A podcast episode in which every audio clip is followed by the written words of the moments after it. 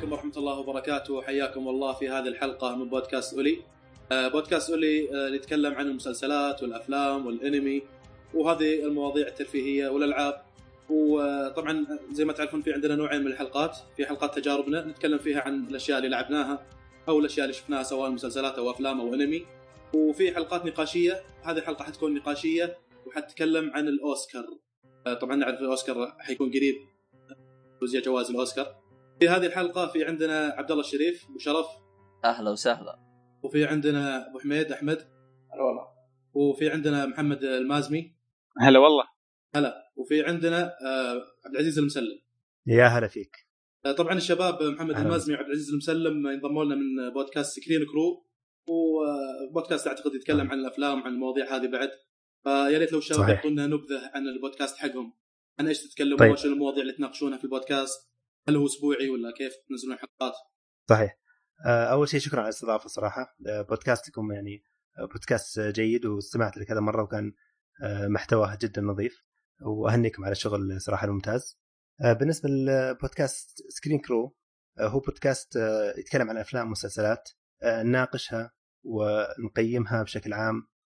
طبعا معي في البودكاست أحمد عشري ومحمد المازمي ووليد ملائكة. إحنا يعني الأعضاء الرئيسيين في البودكاست آه، عندنا كمان؟ إحنا أربعة رئيسيين.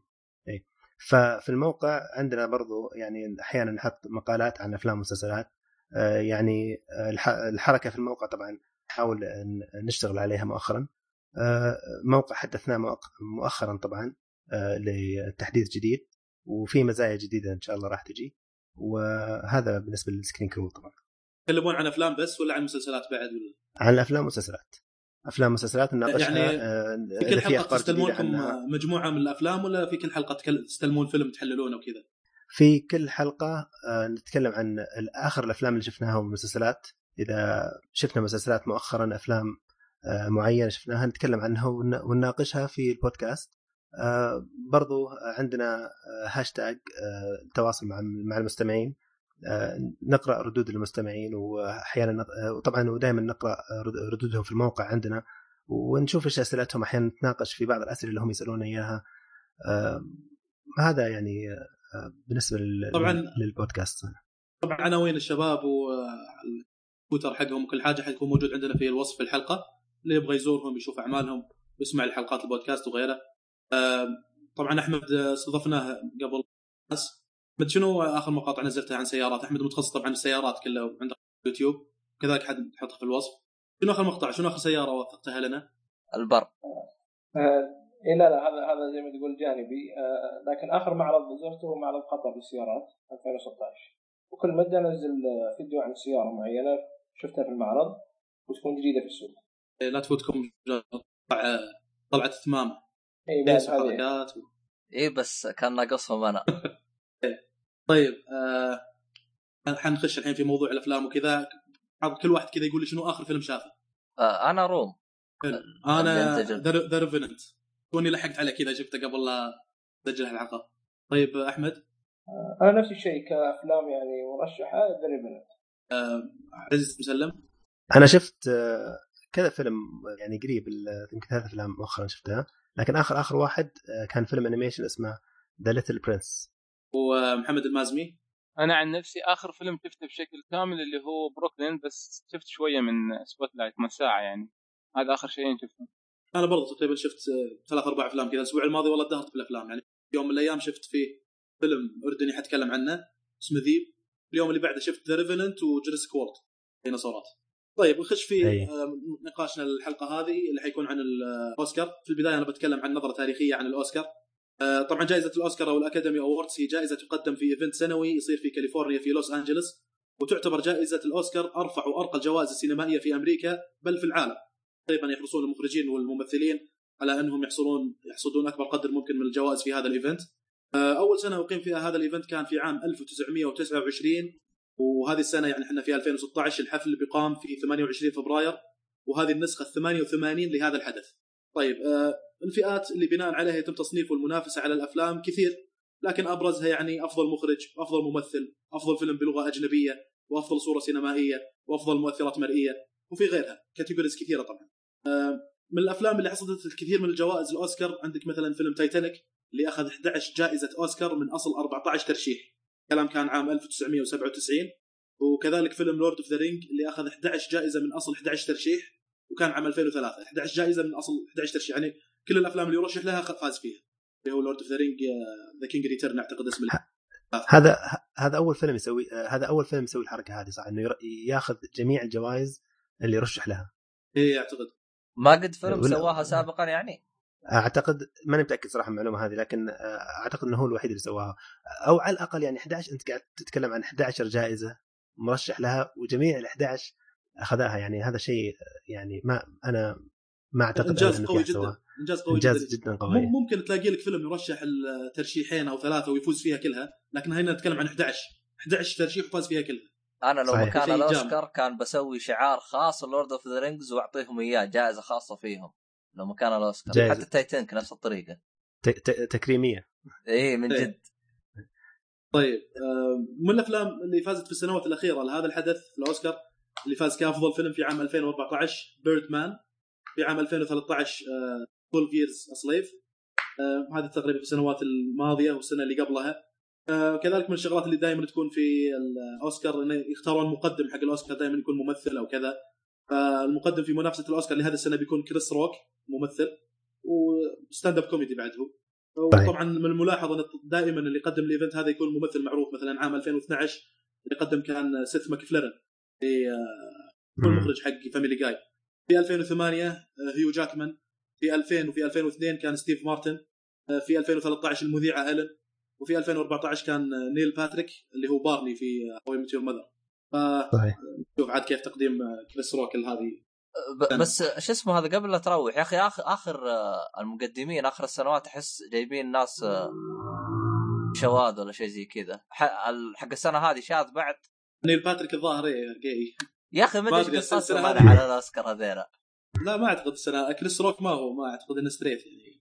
إيه، أنا أشوفهم أنا السنة هذه أحسهم طقمين طقم. ولا و... بس بس والمرة هذه تحس الأفلام بعد تدعم. أغلبها زي نفس الهرجة. أحد الشغلات اللي يتكلمون عليها يقولون ليش يا أخي ما ليش ما فيه دايفرسيتي في الترشيحات؟ وتحديدا يقصدون بدايفرسيتي ليش ما في ناس من البشرة السمراء؟ كل المرشحين. كلهم من البشره البيضاء المرشحين أفضل فيلم مدري شنو هذا ويل سميث طيب ليش ما رشح جادا بنكت مدري منو ليش ما رشحوا الجوائز هنا ممكن يردون عليهم صراحة يقولون مقدم خلاص إدريس إدريس ألبا. برضه إدريس ألبا بعد كان من الناس اللي قالوا انه يستاهل إنه يرشح من هالكلام آه. بس يا أخي خلاص مقدم حيكون البشره السمراء ترضية هذه وفي نظري صراحة كل اللي ذكرتهم الممثلين هذا ما, ما في أحد منهم يستحق صراحة من نظري جائزة اوسكار يعني مو هذاك التمثيل يعني خصوصا الأفلام الأخيرة. حتى كونكشن إدريس؟ شفته أنت أحمد؟ آه، كونكشني نعم شفته. إي عفوا صح هذا آخر فيلم شفته بعد مش تقريبا. نسيت موضوع لأنه ما كان و- ذاك صراحة.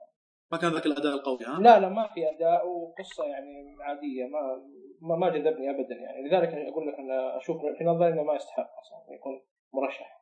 طيب آه، الحين نتكلم عن آه، السنة هذه شنو الأفلام المرشحة؟ آه، في الأفلام المرشحة في best director اللي هو في أفضل مخرج في آدم ماكي في فيلم The Big Short في جورج ميلر في فيلم Mad Max Fury Road وفي اليخاندرو جي في فيلم The Revenant في فيلم آه، وفي آه، المخرج ليني آه، أبراهامسون فيلم The Room توم مكارثي في فيلم Spotlight هذا بالنسبة لأفضل إخراج. بالنسبة لأفضل تمثيل في براين كرانستون في فيلم Trumbo ومات دامون في فيلم The Martian وليوناردو دي كابريو في فيلم The Revenant ومايكل فاسبندر في فيلم Steve Jobs. هذا بعد ما أدري ليش رشح. أنا شفت فيلم Steve Jobs صراحة ما كان ذيك القوة. في فيلم آه، إيدي ريدمين في آه، آه، الممثل إيدي ريدمين في آه، فيلم The Danish Girl هذه بالنسبة لأفضل ممثل. آه، طبعا هذه الشغلات اللي أنا يعني تطرقت لها إذا في أحد يحب إنه يذكر ترشيحات ثانية. والله في ترشيحات طبعا ال- الافضل فيلم اللي إيه. هي طبعا ثمانية أفلام رشحت. في The Big Short وفي. Bridge of Spies Brooklyn و Mad Max و The Martian و The Revenant Room و Spotlight هذول مرشحين لأفضل فيلم طيب آه، أنا يعني لفت انتباهي صراحة في ال category حق الأفلام المرشحة لأفضل فيلم أجنبي أو أفضل فيلم بلغة أجنبية. تطرقت أيوة. ذكرت من قبل فيلم اسمه ذيب من إخراج ناجي أبو نوار فيلم صراحة رهيب جدا يتكلم عن ولد عمره تقريبا سبع سنوات يعيش مع قبيلته في فترة العثمانيين تقريبا. فيجي قبيلتهم واحد بريطاني يستكشف في المنطقة ويحاولون قبيلة ذيب مع أهل بريطانيا إنهم يلقون بير موية عشان يشربون منه ويعيشون وكذا. فتصير لهم جرية عجيبة يعني مشوقة جدا. هالفيلم من الأفلام الممتازة اللي مرشح للفوز بجائزة أفضل فيلم أجنبي صراحة أنصح بمشاهدته. فيلم اسمه ذيب يعني اللي يبغى يشوف كذا عمل عربي مرتب يعني نفتخر فيه انصح إنه يشوف هالفيلم صح هو لأن شوف عادة من النقاط الجميلة يعني يوم تروح تشوف آه، اللي هو كلام نفس المخرج والكواليس والأشياء هذه اللي خلت العمل من جد يصير شيء فخر آه، أو شيء فخم. إنه يوم كتب السيناريو راح أعطاها نفس الممثلين قالوا عدلوا على السيناريو بحيث إنه يكون بلغتكم. إيوه إيه، هذا تحس مخرج ناوي يطلع تحفة. مو زي اللي عندنا يجيب لك آه، كلام شو اسمه هذا قص قصمنجي ولا هذا يروح يعطيه بحرينية ويقول لها يلا سويه. ما ما يكون زي كذا. تحس شيء عبط ولا يجيب لك مثلا آه، مصري يؤدي دور سعودي. ما يجي. فتحس في عبط في هذا. فأنا احس أنا احترمته يوم قال الكلمة هذه. يعني حتى بنفس المخرجين قال يعني حتى لو أنت تشوف نفس الكلام حق هذا واضح إنه كلام إيه. مستحيل إنه المخرج هذا هو اللي كاتبه. لأنه واضح كلام كلام شوي آه ناس بالبادية. لا لا فيلم ذيب آه. جايبين لك ناس ناس فعلا تحس إنهم عايشين بذيك المنطقة يعني مثلا تلاقيهم قاعدين حول شبة نار يجي واحد يقول الثاني يقول له هوجن هوجن هوجن اللي هي الأشعار حقت البدو هذه اللي بالليل زهقانين يجي واحد يغني عليهم فتحس من جد عاي- معيشينك الأجواء صح حقت آه، البيئة هذيك تقريبا أعتقد إنهم كانوا في في الاردن أو شيء كذا في زمن العثمانيين إيه في الاردن آه. حتى حتى سموها وا- وادي رم سجلوا في آه. هذا التسجيل كان في وادي رم بس السكة ما أدري هل هي مصطنعة ولا فعلا تلقى السكة في وادي رم. ما أدري عن الشيء هذا أنا. مراعين هذه الشغلة اللي هو الجانب التاريخي من الأحداث هل فعلا كان موجودة ولا لا؟ هو شوف في زمن العثمانيين. عندك أنا لأنه أنا في منطقة تبوك في مكان تمشي تلقى فيه السكة. اي ف- لا لأن هي كان في زمن العثماني كان في سكة حديد ممتدة من المدينة إلى إسطنبول. موجوده آه، في لها محطة في العلا في العلا في لها محطة. أنا رحت وشفت المحطة هذه. مم. وتلاقي في محطات كذا بالج... تقريبا غرب السعودية وشي إلى شمال تلاقي في محطات حقت. حقت القطار هذا اللي كان يمتد من اسطنبول للمدينة. فما أدري المنطقة ذيك هل كان فيها ولا لا. بس أكيد تلاقي مراعين الشغله هذه. يعني غير إنهم عايشينك الاجواء القصة مشوقة. أعتقد إنهم راعين الجانب التاريخي والأحداث والشغلات هذه. يعني صراحة روعة روعة جدا الفيلم. ما أدري إذا بيفوز ولا لا لكن أنا دائما هذا الكاتيجوري هذا حق أفضل فيلم بلغة أجنبية يعجبني اللي يفوز بالفيلم هذا لأنه تقريبا يكون التقييم واقعي ما يكون فيه ظلم يعني وما يكون فيه محاباة الفيلم عشان والله مراعاة العنصرية وما شغلات العنصرية ولا مراعاة شو اسمه لما هو مثلاً هو تلاقي فيلم يهايط على الجيش الأمريكي ومدري شنو هذه الأفلام اللي تكون أمريكية تقريبا يفوزونها أحيانا بسبه الشغلة هذه إنه فيها تمجيد للسياسة الأمريكية وتمجيد للجيش الأمريكي زي كذا فيفوزون. أما الأفلام اللي بلغة أجنبية لا غالبا تلاقيها تتكلم عن قيمة اجتماعية ولا قيمة يعني منطقية كويسة فانا تعجبني ال category هذا صراحة هو شوف ترى احتمال كبير إنه يرشح لأنه هو فاز بالبفتا جائزة البفتا إيه. ما أدري إذا اسمها زي كذا أو لا آه، فهو البفتا أيوه فاز البفتا فيها انت أنت تقول احتمال كبير إنه يرشح قصدك احتمال كبير إنه يفوز يعني؟ إيه إيه احتمال لأنه هو. مرشح. آه، إيه هو إيه. مرشح لأن لأن اذكر أذكر من الأمثلة على الأفلام اللي رشحت الأوسكار كافضل فيلم أجنبي في فيلم إيراني اسمه A Separation أعتقد شايفينه بعضكم. إيه Separation يتكلم عن اي الفيلم رهيب صراحة. شفته يمكن أربع مرات. ويتكلم عن بنت محتارة ما تدري تروح مع أمها ولا أبوها لأنهم حينفصلون. Separation يعني الفصل وبيطلقون والبنت محتارة ما تدري مساكينه تروح مع أمها ولا أبوها وتشوفها حيل يعني محتارة. طبعا كان في جوانب ثانية درامية جم- جميلة جدا في الفيلم. فيعطيك قيمة رهيبة. يعني يتكلم عن قيمة اجتماعية عن الطلاق وكيف إنه يسبب مشاكل وتفكك في الأسرة. زي كذا. فيلم وجده كذلك من الأفلام اللي كان مرشحة وفيلم سعودي. يتكلم عن يعني نموذج مسقر لحقوق المرأة في السعودية وانهم طالبون بقياده المرأة بغض النظر عن هذا هل هم يستحقون يقودون ولا لا. الفكرة هذه هل جاب لك إياها الفيلم بشكل كويس ولا لا؟ جاب لك إياها بشكل ممتاز. البنت تبغى تسوق سيكل ومانعينها المجتمع زي كذا. فهذه كانت من الأفلام المرشحة. أنا أشوف إن الكاتيجوري هذا صراحة روعة أستمتع فيه اللي هو أفضل فيلم أجنبي. والله هو حق السنة هذه كان قوي. أنا حق 2014 شفته كامل للأسف كان متواضع. حتى اللي فاز ما ما عجبني اختيارهم باللي فاز. فما أدري. السنة الماضية؟ إيه اللي فاز كان كان الفيلم أبيض وأسود بس إني نسيت إيش كان اسمه. طيب آه، كوننا تطرقنا الآن للترشيحات حقت الأفضل إخراج وأفضل ممثل وأفضل كذا أفضل فيلم هل تعتقدون في أفلام ظلمت ما هي موجودة حتى ضمن الترشيحات؟ والله أول فيلم ظلم على طول في بالي ذا هيت فوليت كوينتن ترنتينو يعني مو ملاحظ إنه مرشح لاغلبيه الأشياء الموجودة. من أفضل الأفلام اللي شفتها هذه السنة على مستوى شخصي يعني. والله أعتقد المشكلة- يمكن يمكن هنا يا ما شفته. أحمد آه، يتقارش معاك. إيه إيه. صحيح. كلام صحيح. لأن آه، ما أدري أشوف كان آه، ممكن ناقشنا الموضوع هذا قبل إنه صراحة اختيار الممثلين كان بالنسبة لي غلط يعني. وكان طويل وممل. بس هذا اللي أقدر أقوله عن الفيلم صراحة. ولا يستاهل يرشح. هذا من نظري. The Hateful Eight Hateful Eight نعم. في اختيار الممثلين كان خاطئ مرة صراحة. مع إنه يعني المخرج هذا له أفلام صراحة تاريخية يعني وما حد يعني ينكر الشيء هذا. حتى إخراجه كان جميل يعني في الفيلم لكن ما أدري أحس إن اختيار الممثلين كان خاطئ. الممثلين هم ما كانوا أشهر ناس أنا أقدر أقول لك إن الممثلين ما يمكن ما هم أشهر ناس ونعرفهم يعني بس حسيت إن أدوا أدوارهم يعني حلو إنك تشوف يعني طاقم عمل غريب عليك يكون شيء حلو. لا لا هو هي هو مو موضوع ال- مو موضوع الشهرة لأن يعني مثلا عندك ذا دانش جيرل الممثل هذا طلع فجأة يعني ممثل بسيط جدا وطلع وطلع فنان. هو ومو موضوع إنه مشهورين أو لا. يعني مثلا بالذات أنا عندي كان عندي مشكلة مع شانينج تيتم تعرف الشخصية إيه اللي- شان شان تيتم. معروف معروف. اي أنا أشوف هذا مش مكان ابدا صراحة يعني يمثل في فيلم رهيب زي هذا. فأنا أول ما شفته طبعا تفاجأت إنه موجود في الفيلم. أنا كنت شايفه في السينما. ودخلت يعني زي ما تقول آه، على عماها بدون أي تريلرز بدون شيء. حبيت إني أشوفه يعني فجأة أشوف قصة الفيلم. القصة حلوة يعني لكن كان طويل شوي ممل. وتفاجأت إن تشانينج تيتم معاهم. تشانينج تيتم أشوف إنه يعني ممثل صراحة زي ما أقول للشباب هنا انه أفلام يعني حقت رقص وما رقص. واللي يثبت هذا إنه الحين له فيلم جديد برضو عن الرقص والغناء. ما أشوف إنه له في الدراما كثير يعني أو في التمثيل هذا الجدي زي ما تقول. ممثل عشان يجذب خليني أقول لك المراهقات آه والبنات. يعني هو غالبا يستخدمونه في أدوار عشان تجذب الطبقة هذه من المجتمع. آه طبعا المجتمع الأمريكي يعني الأجنبي يعني. فهو هذا بس بس يعني شوف في له أدوار صراحة يعني يعني سوى فيها شغل جيد. لسه إلى الآن ما وصل صراحة لمستوى فاخر. يعني أنا ما شفت له دور يعني فخم جدا وراقي. لكن أحيانا في لها أدوار مقبولة يعني تتقبلها شوي إي مثل ما قلت يعني في هو ممكن كل ممثل له يعني فيلم جيد لكن إلى الآن ما أشوف إنه صراحة مناسب لأن تعرف كوينتين تارانتينو مسوي أفلام ممتازه منها اللي هو Django أو دي جا أو جان Django،. أيوة. أي Django Django. Unchained يعني كان صراحة تحفة الفيلم وحتى وفي مشكلة ممثلين آه، اختارهم في هذا الفيلم زي عندك كريستوفر كريستوف وولتز سميه إيه، الألماني هذا اي يعني هذا لو اي اللي فاللي شاف Hateful Eight في شخصية بريطانية في في الفيلم. يعني لو جاب هذا مكانه أتوقع إنه راح يبدع فيه.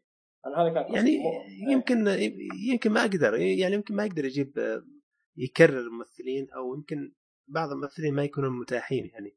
فهو يحاول يجيب اللي يقدر عليه بقدر الإمكان. أنا أنا أنا سمعت كلام أنا ما شفت The Hateful Eight لكن سمعت عنه كلام جدا جدا ممتاز.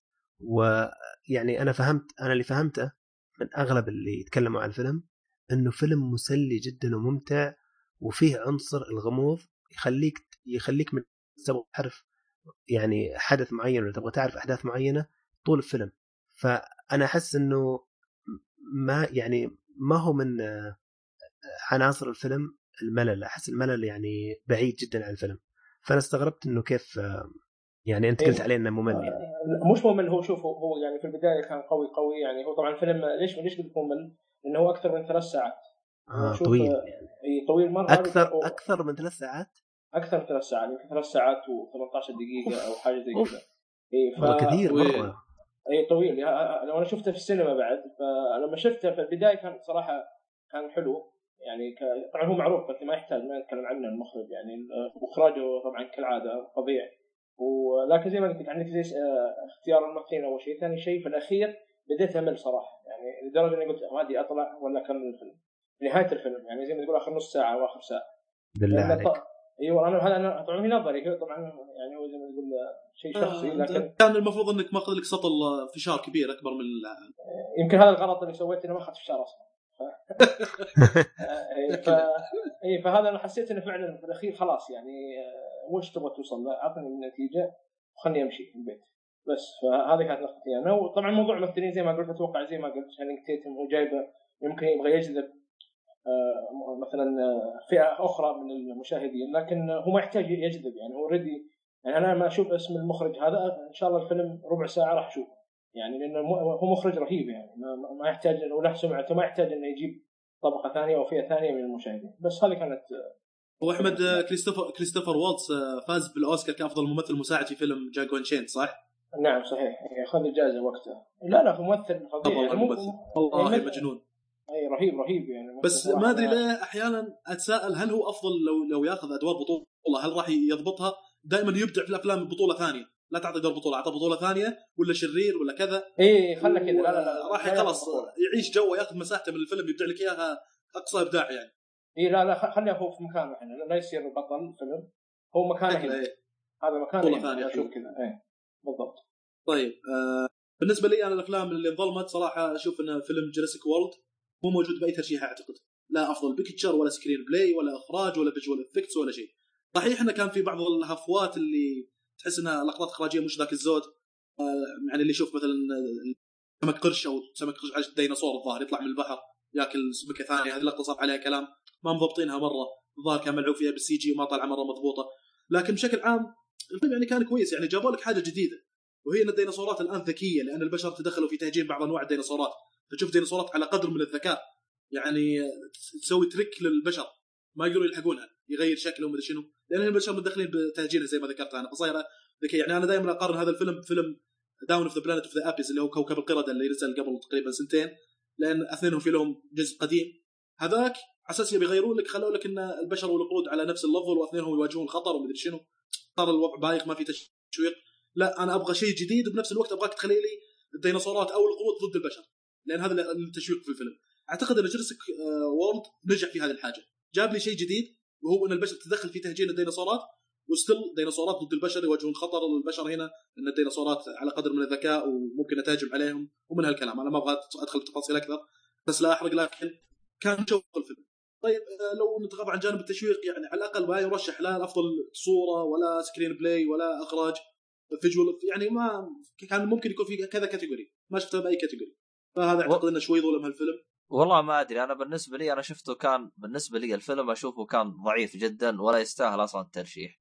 يعني بالنسبة لي أنا لو جاء واحد يبي يتفرج على Jurassic وورك World بقول له ارجع شوف الجزء الأول وريح بالك من وجهة نظري أنا. ولا شيء ولا شيء أنا عجبك معك. إيه هو نفسه يعني. ولا screenplay ولا مؤثرات مرئيه لا لا طبعا هو إيه، ما أعتقد إنه المؤثرات تستاهل إنه يترشح وهو يعني كامل أنا فعليا ترى جا- جاني النعاس في كامل الفيلم. خصوصا إنه إنه الجزء الأول كان مأخذ مأخذ منحنى جدي بعكس الجزء الأخير اللي هو جراسيك وورد كان مأخذ منحنى إنه ما عالم ترفيهي و أحسه كان موجه لل... للمراهقين أكثر من الجزء الأول. أنا هذا الشيء النقطة السلبية اللي ما عجبتني فيه.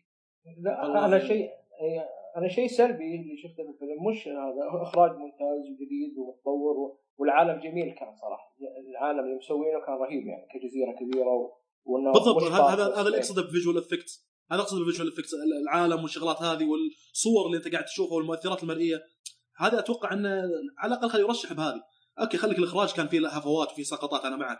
لكن إيه، مش ال visual إخراج، effects لا. الصراحه كانت جميلة. هي مش عن الاخراج يا فواز الموضوع إن طفلين يعني حتى حتى عدد الأطفال ما غيروه. يعني أنا أذكر الفيلم القديم كان فيه طفلين جايبين طفلين. طب خلوهم ثلاثة خلوهم واحد غير شوي. وموضوع إيه. شخصيه هذا اللي قصدي. يعني وموضوع الصياد هذا أو اللي اللي هو البطل اللي كان صياد أو لبسه صياد ن- نفس يعني حتى نفس الشخصيات مدير هذا. يعني ما حتى الأدوار نفسها. يعني ما غيروا بس. الفكرة الأساسية. غيروها أحمد. الفكرة الأساسية غيروها. الآن في ديناصورات مهجنة. أول كانت بس- على أساس ان الديناصورات إيه، عاديه هذا وزي الشيء الوحيد هذا الشيء لا ذكية الديناصورات وتخدع البشر ما شايف ديناصور ممشخ الجدار يبي يوحي لهم إنه منحاش من الحديقة. اي بس ديناصور هذا يبي يوحي. للبشر إنه منحاش من الحديقة. يا ذكي يا شيخ. أنا عجبتني اللمسة هذه جدا يعني الفكرة هذه. عموما وجهه نظر الشباب يشوفون إنه ما يستحق. أنا أشوف إنه لا على أدنى الدنيا يا أخي عقل يرشح ال visual effects. هذه بالنسبة لل من الشغلات اللي كذلك ظلمت. أعتقد الممثل كريستوف وولتز اللي تكلم عنه أحمد الألماني يستحق انه ينافس على جائزة أفضل ممثل مساعد في فيلم Spectre على الأقل يرشح لا يفوز خليه يرشح على الأقل. لكن حتى اسمه غير موجود. والله شوف أنا أنا من الأشياء اللي أشوفها ظلمت اللي هو فيلم The Walk آه، إي هذا هذا جاي والله إي. امم حرقنا عليه حرقنا الستك لكن يعني فيلم لا لا برضو مع أتفق معك أنا فيلم The Walk هين. لكن آه، شو اسمه؟ آه، Spectre يعني كان دوره جدا رهيب. أنا شفته في السينما الفيلم هذا. ما عجبني الفيلم حيل لأنه مهايط جيمس بوند وهذا وأنا قوي وينظر للناس نظرة دونية ومدري شنو. لكن آه، الممثل المساعد دور الشرير كريستوفر وولتز هذا تشوفه تقول wow قسم بالله شخصيته روعة روعة يا شيخ. يعني ها في من السايكوباثية حقت الجوكر شخصية الجوكر. اي مع ان مع إن أزيدك إنه ترى ما تعب يعني. الممثل صراحة ما تعب في الفيلم لكن هو شخصيته رهيبة. لا لا يتعب لا يتعب. هو بدون لا يتعب يبدع لك. اي هذا والله رهيب صراحة. عموما كذلك من الأعمال اللي انظلمت فيلم The Walk زي ما قال أبو شرف مو موجود لا كفيلم ولا كممثل اللي هو جوزيف جوردن. أنا بالنسبة لي الفيلم هذا The Walk يعني بصراحة هو أفضل فيلم شفته في 2015 ولا يرشح ولا جائزة. إي نعم إي نعم هذا أفضل فيلم شفته. الفيلم اللي يحبس أنفاسي بالطريقة هذه يخليني أندمج. أنا شفت يعني أفلام كثير. أنا ما أقول لك إن هذا أفضل فيلم. أفضل فيلم شفته. يعني في أفلام أنا ما شفتها. الأفلام اللي شفتها في 2015 كلها صراحة هذا أشوف إنه أفضل فيلم. وحبس آه، أرشح لأي جائزة. إنفاسك. حبس انفاسك في فترة معينة من الفيلم. آه، لكن يعني الفيلم فيه أجزاء ثانية قد تكون يعني آه، ضعيفة ولا مملة من آه، من ناحية سرد القصة يعني. مع إني أنا عاجبني ذا صراحة. أنا أشوف إن ذا فعلا يعني من الأفلام اللي على الأقل يعني كان المفروض يدخل بأي ترشيح من ترشيح الأوسكار اسمه رشح لحاجة يعني. لأنه فيلم ممتاز وعاجبني. لكن يعني لما تيجي تقول أفضل فيلم أحسها كثيرة عليه عرفت؟ فيها في أشياء مرة هو هو يعني هو هالسنة هذه يعني ما كان في ذيك الأفلام القوية أصلا يعني. أنا بطرق لها الشغلة هذه بعد لكن ما في أفلام قوية اللي ممكن إنها تكون. لذ- لذلك أنا أشوف انه إن فاز The Revenant مثلا هو متوقع إنه يفوز فهذا أفضل الافلام السيئه مثل ما نقول أو أفضل الافلام العادية زي كذا. ما عندي مشكلة فيه. لكن شو أقول لك يعني The Walk بالنسبة لي أنا أشوف إنه كان مشوق ما كان ممل صراحة. كان مشوق التشويق يتدبل تقريبا على نص الفيلم لما يبدأ يجيب المعدات ويهربها لعمارة برج التجارة العالمي وهذا اللي بنيويورك. من هنا يبدأ التشويق عندك قوي جدا. طبعا الفيلم إحنا تكلمنا عنه- يمكن قبل حلقتين وحللنا فيه يعني. ومن قوة الاستمتاع اللي استمتعت بالفيلم هذا تكلمنا فيها بحرق. حتى نب- نبهنا قلنا حيكون في حرق بالحلقة هذه عن فيلم ذا وولك لأن نبغى نفضفض نبغى نقول شنو آرائنا وكذا. كان نهاية الحلقة تقريبا جزء تكلمنا فيه حرق عن ذا وولك صراحة الفيلم روعة روعة. وعلى الأقل خلينا نكون متفقين انه ظلم انه ما رشح ولا جائزة ما رشح لأي ترشيح. خصوصا هذه. الممثل الممثل المفروض كان يكون موجود الممثل. آه، يعني كأفضل مم... شو اسمه هذا؟ كأفضل ممثل آه، في شو اسمه في فيلم. صح. أو آه، في في في يا أخي في فيلم أنا شفته كان الممثل حقه سيء نسيت والله وش كان. اللي هو أنا عندي- مرشح لأفضل تمثيل يعني؟ اي كان في في ممثل كانوا مختارينه كأفضل ممثل بس إني نسيت مين هو كان. آه، لو تذكرته بعلمك إياه. أنا عندي. ال- في فيه فيلم خليني أقول لك في ممثلة ظلمت جدا. أنا أشوف إنه في رأيي يعني آه، وكان المفروض إنها ترشح الأوسكار. أنا توقعت صراحة لما شفت فيلم يعني سوت شغل جدا نظيف. أنا قلت هذه على الأقل على الأقل لازم ترشح. يعني هذا أقل شيء ممكن تحصل عليه. الممثلة هذه آه، اسمها أليشا آم، اسمها في فيلم Ex Machina مين شاف فيلم Ex Machina أنا شفته. الممثلة اللي مثلت دور الروبوت اي صحيح بس الظاهر إن هي إيه. رشحت لجائزه بس ما أدري يمكن ما هي الأوسكار بس الظاهر رشحت الجوائز. اي هي رشحت الظاهر في ال Golden Globes ولا في البفتا لكن في الأوسكارز أنا قلت هذه أقل أقل شيء لازم تأخذ ترشيح يعني مو شرط تفوز مو مشكلة لكن لازم تكون من ضمن المرشحين. ال- الشيء اللي سوته كروبوت يعني كان شيء صراحة يعني مبهر مبهر. حل حل الفيلم. رفع من جودة الفيلم جدا جدا. يعني وكان شغلها جدا نظيف صراحة. آه، طبعا برضو أوسكار آيزك آه، اللي مثل دور المخترع أو المبرمج اللي اللي س- اللي سوى الروبوت هذا. برضه هو كان يعني شيء نظيف. الفيلم هذا الفيلم صراحة من روائع 2015 أنا بالنسبة لي. وأشوف إنه ظلم جدا في الأوسكار. الأوسكار ما طوج كثير. صحيح. ها؟ ف... آه، اسمه Ex Machina أعطيك إياه إذا ما كنت تعرفه بعد الحلقة. حملته وما ما شفت المشكلة. والله شوف طيب، أنا أنا أنا أنا مشكلتي مع Ex Machina ال ال ال ال الأشياء آه، التعري أحسه كان زايد عن اللزوم. ما كان في يعني بس الروبوت يعني كان فيها بعض المشاهد البسيطة حتى من ناحية مقارنة بأفلام ثانية يعني. لكن غير كذا ما في. مم. هو هو آه، ما أدري أنا احس أو لا لا, لا كان في ذكرت مقطع فيه كان قوي شوي من ناحية التعري لكن آه، برضه حتى التعري يعني إذا كان يعني جزء من سرد القصة وجزء من تكملة القصة يعني هو يعتبر جزء من الفيلم يعني ما يعني ما يعتبر عيب. هو- أنا ما أحس كان له داعي أحس كان بإمكانه يعني يستغل أشياء ثانية غير الأشياء هذه. من يعني أنا ها عشان كذا أنا ما عجبني من وجهة نظري أنا. لا أحيانا المخرج يحاول إيه. يحسسك بأنه اللي أنت قاعد تشوفه واقع وحقيقة. أحيانا ي- يخلي يعني مثلا زي الدولاب مثلا فيه مشهد ما ودي أخش تفاصيل لكن أعتقد في مرة يعني فيه بعض المشاهد طلعت أنا كنت أشوف إنها جزء من الفيلم و وأحس إنه لو لو شالها ولا لو أخفاها بطريقة معينة أحس إنه بيطلع فيه نقص واضح في الفيلم. أنت في بعض باختصار أنت قصدك إيه. يعني يعني هو في باله فكرة هو حاول يوصلها بأي طريقة حتى لو إيه. كانت آه، بالضبط إيه. ويبغى يحسسك بأنك أنت مكان الكاركتر أنت مكان الشخصية آه اللي اللي موجود أنت قاعد تشوفه كأنه هذا real شيء حقيقي في وقته يعني ما في شيء إضافي أو شيء زيادة مزعج أنا شفت إنه موزونة يعني الحركة اي بس آه، تضيفا هنا في بس احسه هو فيلم في هو فيلم مشابه لفيلم قديم نفس الموضوع بس كان طفل اللي يذكره. الآلة الطفل أي اي اي اي اي هي واحد قديم شوي. اي اي ال Artificial حق ستيفن سبيلبرغ صح؟ أيوه أنا أشوف صراحة هو أنا أنا شفت الفيلم هذا آه، وبيني وبينك شفته في طيارة اللي هو Ex Machina يعني حتى ما هو كان. ولا شفت آه، المقاطع اللي تكلمت عليها التعري بس حسيت إنه آه، شبيه لل- للفيلم هذا ال A.I. يعني. مرة لكن العمر أو عمر الالي يعني كان مختلف كش يعني كشخصية في ولا- آه فيه شبه. اي في شبه. صحيح مع- معك في شبه لكن ال- الرسالة مختلفة. كل فيلم له رسالة مستقلة. الإكس ماكينة كان يوصل رسالة صراحة يعني فظيع فظيعة صراحة. يعني عجبني ال- ال- القصة حقته والرسالة اللي بوصل لك إياها الفيلم عن طريق الأحداث اللي صارت يعني كان شيء فظيع. شوف مثل ما قلت لك أنا كنت مسافر شفته في الطيارة فما ركزت. بس. إني جبت طاري شكلي بشوفه مرة ثانية الآن وأعطيه فرصة أشوفه يعني بالتفاصيل بس إنه طيب. بشكل عام جيد يعني حتى لو أنا- أنا بعد- إيه. للناس اللي يعني أحيانا مركز على الرسالة اللي بيوصلها الفيلم عشان كذا أنا يا. أقول لك إن عجبني فيلم A Separation وفيلم وجدة عجبتني الرساله كانت واضحة وكويسة و... كان ممكن هذه يخلوا لها category كامل في الأوسكار الرسالة اللي. بيوصلها الفيلم والله طيب آه، ما هو الفيلم اللي تتوقعون اللي حيفوز؟ ما مو من وجهة نظرك. مو لا تقولي الفيلم اللي أنا أشوف إن هذا اللي يستحق إنه يفوز لا. أبي الفيلم اللي تتوقع إنه راح يفوز. بناء على معرفتك في السنوات الماضية شنو الأفلام اللي تفوز؟ بناء على الحكي الإعلامي اللي يقول. أعتقد واضح الجواب.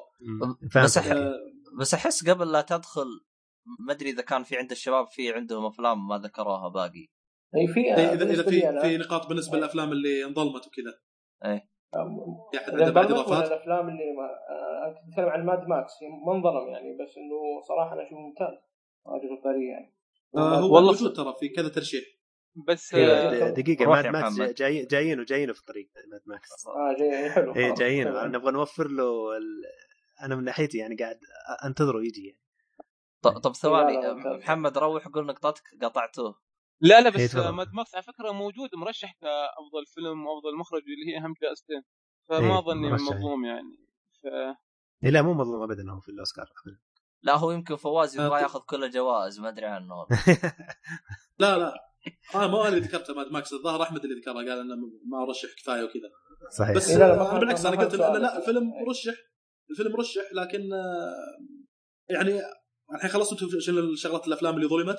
كل ولا تحسون إنه باقي فيها؟ على فكرة في فيلم ثاني؟ يعني في شيء فيلمين بذكرهم على السريع والله شوف Star Wars من الأفلام القوية هذه السنة بس ما أدري هل هو يستحق يكون مرشح لأوسكارز أو لا وفي Straight Outta Compton فيلم الراب يعني هذا من أقوى إيه. الأفلام ال- هذه السنة يعني صراحة أشوف إنه كان ممكن يرشح مكان بعض الأفلام الموجودة ف... شفته صراحة ما أدري ليه الفيلم هذا يعني مسوى لنا ضجة فيه يوم شفته يعني عادي. interesting بالنسبة للناس اللي بيعرف قصة هذول ال rappers أيوه. توباك على Ice Cube على Eazy-E على ذولي وكيف سووا لهم ال group ذا. بس آه، بس اللي هو اسمهم؟ Public Enemy مش فكيف صاروا اللي- وكيف المشاكل اللي مع الشرطة من هالكلام. اللي interested بالسالفة هذه أنا أيام المراهقة كنت أسمع أغاني راب وايد يعني. فبعرف شنو. سالفتهم ذولي. توباك على كذا على Eazy على فكرة يعني- بالنسبة لهذا. لكن هل يستاهل إنه يرشح لجائزة أوسكار؟ أشوف لا والله too much ما لدرجة إنه يرشح. فيلم تشوف هو تستمتع فيه هو بس. فيلم آه، محمد هو فيلم ممتاز صراحة. أنا شفته لكن ترى فيه عيب جوهري جوهري جدا. وأشوف انه العيب هذا العيب هذا الحالة يخليني أطلع برا الأوسكار نهائيا. ال- الشخصيات زي ما هم الفيلم, الفيلم أعطاك مراحل زمنية مختلفة صح ولا لا؟ صحيح. أعطاك مراحل زمنية مختلفة لكن ال characters زي ما هم. يعني صعب إنك أنت كمشاهد إنك تندمج وتعيش الدور إنه انتقلوا من مرحلة إلى مرحلة زمنية. مختلفة ولكن ال character زي ما هو. يعني هذا تحدي كان صعب على الفيلم انه يوصل لك إياه وانه سواها بطريقة ضعيفة جدا. غير make up آه، وجه دكتور دري شوي بحيث إنه يحسسك إنه كبر وهذا ما ما نجحت معاهم أبد. آه، غيروا حلاقة آه، آه، تي شو اسمه Ice Cube Ice Cube غيروا حلاقته بحيث إنه يعني ما تغير شيء. فأنت فأنا فعليا لما أنتهى الفيلم حسيت إن نفس ال character أعطوني إياه في مراحل زمنية مختلفة. ما حسيت ابدا مو إنه- مشكلة. إنهم ده. فهذا كان ترى عيب جوهري يعني في الفيلم صراحة إذا خلني خلينا نرد على هالنقطه الفيلم على فكرة ترى يناقش فتره 10 سنوات. يعني وجه وجه الشخص ما يتغير في 10 سنوات. ما يتغير بالشكل اللي تتوقع أنت لأنه هو يمكن خذوا الفيلم من اعمارهم 18 و19 لين فترة العشرينات. فالشكل ما تغير كثير الفترة هذه. يعني ما ما, صاروا شيابهم. الفيلم يعني الفيلم من 85 لين 94 لا بس شوف أنت ترى لو تشوف أشكالهم فعليا يعني حقيقة كيف كانت وكيف صارت كبروا تغيرت ترى يتغير من سن المراهقه إلى سن يعني اللي وصلوا فيه الفيلم يعني إنه المفروض فيه تغيير الفيلم ما. وصل بعيد ترى الفيلم بس وصل ل 94 يعني مثلا الشخص الشخصية الوحيدة اللي حسيت انها ما تغيرت كثير دكتور دري بس إيزي إي والبقية تحس إنه يعني كبروا شوية لا ناحية زي, على زي ما هو زي حرام ما هو، ما عليك حرام. عليك أول في فيلم وآخر الفيلم نفس الشيء نفس الشيء بالضبط ما شفت أي تغيير فيه والله انت يمكن ما دخلت جو مع الفيلم بس أنا دخلت وايد وايد بحكم إني أحب الموضوع ومهتم فيه. وناس ما يعني ناس ناس ناس ما قلتوا إن الفيلم يمكن موجه لفئة معينة من الناس يعني هذه المشكلة فيه. بس في أفلام ثانية موجهة لفئة معينة من الناس مثلا فيلم آه Spotlight يعني. شفت آه شفت شفت ساعة من الفيلم موجه لفئة فئة معينة جدا جدا. يعني مش من اللي مهتم في قضايا الشذوذ الجنسي وهذه الأمور. يعني ممكن ممكن حد يكون مهتم بهذا الشيء. هذا فيلم شايل- ثاني. child- child molestation امم إيزي إيزي نهايته شنيعة صراحة جدا. وما كان شاذ ترى ما كان شاذ لكن لأنه كان يمشي الرجال يسوي علاقات يمشي يسوي علاقات عرفت؟ آه هذا حل لا ما في protection ما في شيء فجاه عن- ال HIV إيه، محمد كنت تتكلم عن Spotlight صح؟ لا لا فيلم نحن- فيلم. ثاني بحكم إن تطرقت للموضوع إن الفيلم يمكن ما يستهوي الجميع بس أي. آه في أفلام ثانية يعني تكون مخصصة لفئه أو الناس معينين فمرشحة موجودة هي على الأقل يكون كنت- مرشح الاغاني يا أخي الأغاني اللي فيها أسطورية من افضل أغاني الراب والله لا الأغاني قديمة ومعروفة وما يعني ما هي ب- شيء اللي احياها يا. أخي عادوا احياها لا ما بس ما رشحها الاوسكار خلاص قديمة يعني؟ شوف فيلم حلو صراحة والله استمتعت. ولا أنا آه، أبو حميد آه، وأبو شرف شفتوا فيلمه الفيلم هذا اللي يتكلم عن آه، لا والله الكومبتن. لا والله ما شفته بس سمعت إن آيس كوب Ice Cube أو شخصية Ice Cube كانت كويسة هذا اللي سمعته هذا صحيح ولا لا؟ لأنه ولده ولده هو اللي مسوي شخصيته لأنه لأنه في شبه له مرة. شبه له كبير وب- وبعدين إيه، آه، Ice Cube. حرش بس Ice Cube حرش ما يقعد راحة يعني عرفت اللي يقول الشرطة لا تسوي كذا يروح يعاند و... الا يسوي اكشن الا يسوي مشاكل بالحقيقة هو كذي فلذلك كانت شخصيته يعني جميلة الفيلم في فيه مصداقية بشكل إيه، هذا كبير اللي على. فكرة يعني أه، بس عشان أكو عشان يعني توضحوا لي الفكرة Ice Cube هذا مغني صح ولا لا؟ صحيح مغني. وممثل الآن هو أه، هو أنا نعم. هذا Ice Cube لأن أنا ما ما شفت فيلم أنا لأنه كنت عارف إنه راح يتكلم عن مغني فما كنت متحمس له بالمرة لكن ما أدري احسكم ها نوعا ما حمستوني. لا حلو الفيلم صراحة. الفيلم حلو ويستاهل إنه ينشاف صراحة لكن في عيوب يعني شوف طب إذا- مثلا ما يعرف هذول- إذا- هل يهمه؟ إذا تعرف مثلي أنا. آه إيه. هذا اللي جاي بقول لك إياه إذا تعرف دكتور دري تعرف توباك تعرف أي Eazy-E تعرف Ice Cube إذا هذول كنت تسمع اغانيهم كذا الفيلم بيعجبك. أنا اغاني راب ما أسمع ما فايدة. ما فايدة. يعني ما راح لا. يعني إذا واحد ما له في الراب الفيلم ما راح ما راح يستمتع بالفيلم صدقني إذا واحد ما له في. الراب تحديدا الراب حق ال West ما راح يستمتع بالفيلم يعني لو يجي لو يجيني رابر أقول له من تسمع يقول لي آه، ناس على مثلا آه، Ja Rule على DM على Big Notorious على بقول له لا تشوف الفيلم أنت أنت حق الجهة الثانية حق نيويورك مو حق إيه. إيه إيه أوه. هذوليك تقريبا كانوا group خاص وكانت لهم مشاكل ومسوين ضجة ومسوي كذا إيش سالفتهم؟ أنا واحد من الناس اللي كنت أسأل كذا تسأل إيش سالفتهم حتى ما أدري جابوا سالفة توباك ولا لا توباك مات قتيل الظاهر وما لا انه توباك ما بعدين يمكن تطرق على الفيلم. 97 لا 97 إيه. بعدين القصة هذه. هذه كان ودي كان ودي بعد أشوفها يعني من الشغلات كان ودي أشوفها وأعرف تفاصيلها وكذا. فاللي مهتم بهالسالفة هذه روح شوف الفيلم الفيلم بيعجبك. أنا أقول لك الفيلم رهيب حلو. لكن يرشح الأوسكار زي ما قلت لا أنا أشوف انها too much بس يستحق المشاهدة. أقول كذي يعني. ترى طيب. الأوسكارز آه، فيه الأوسكارز بشكل عام ترى عندهم رسالة وعندهم آه، اللي يسمونها social responsibility ناحية ال- البلد أو شيء زي كذا. فهم يعتبرون نفسهم منظمة مسؤولة عن ال events حقتها. فتلاقيهم يتجنبون أحيانا إنهم يرشحون أشياء خطرة على المجتمع أو توصل رسالة سيئة للمجتمع أو شيء زي كذا. آه، لعل أعتقد يعني بس مجرد يعني فلسفة أو توقع من عندي يعني لا أكثر. أعتقد إنه Straight Outta Compton مستثنى من اوسكار لأنه قاعد مثلا يوريك إنه كيف يعاندون الحكومة ويعاندون هذا. ممكن إنه إيه إيه. يش- يشجع الشباب على إنهم يتصرفون تصرفات غير لائقة في المجتمع وكذا. ف آه، ممكن يكون هذا واحد من الأسباب يعني. لأنه لأنه شوف الفيلم لو رشح لاوسكار ما راح أستغرب. مو مو مو أفضل فيلم لا لو رشح ل categories ثانية يعني مثلا. آه، قصة آه، إخراج يعني ممكن يعني لو category ثانية ما راح أستغرب عادي يعني. لأنه فيلم نظيف وحلو راح يستاهل الإنجاز. لكن إيه يعني، أعتقد إنه آه، استثنوا من الأوسكار بسبب ال- الحدة اللي فيه اللي ممكن تأثر سلبا على المجتمع إيه كانوا يورونك تقريبا it's cool إنك تصطدم مع الشرطة بشكل مباشر أيوة. وتتكلم عليهم صح. بأغاني راب وزي إيه. كذا فإذا رشح الأوسكار صحيح. كانك تأيد الشغلة هذه هي تشجيع للمراهقين هذا عاد يطيرون في العجة على طول أنا قوي أنا أتكلم على الشرطة بأغاني الراب ومدري شنو. فيها رسالة سلبية شوي صحيح إيه، سؤالي أنا سؤالي الآن إن آيس كوب still يمثل يعني.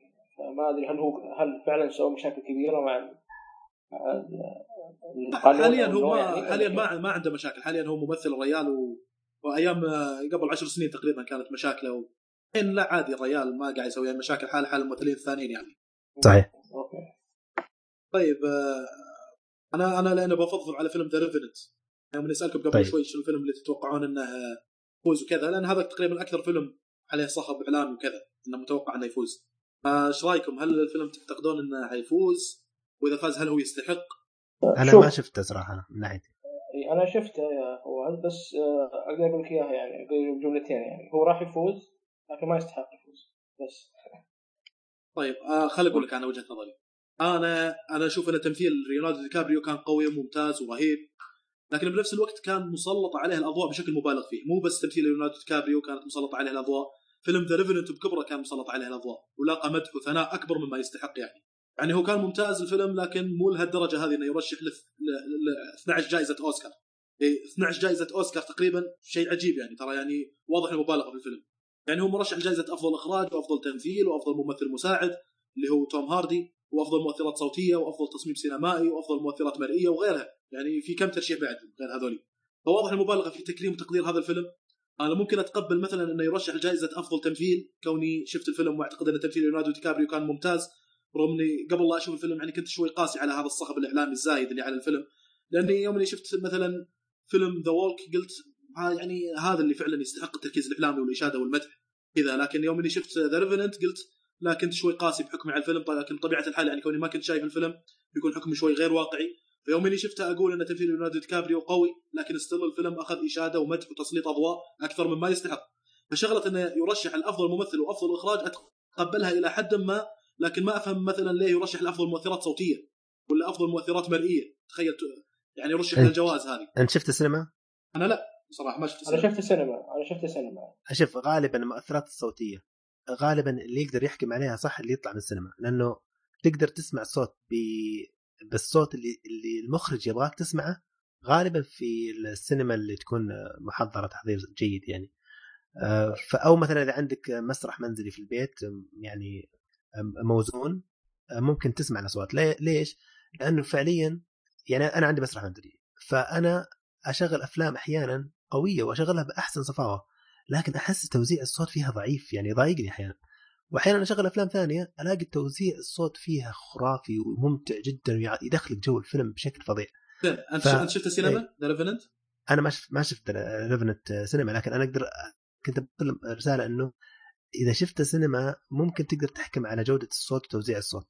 آه، إذا ما شفت سينما يعني أتوقع إنه لو ما تحكم حاليا على على جودة الصوت يكون أفضل.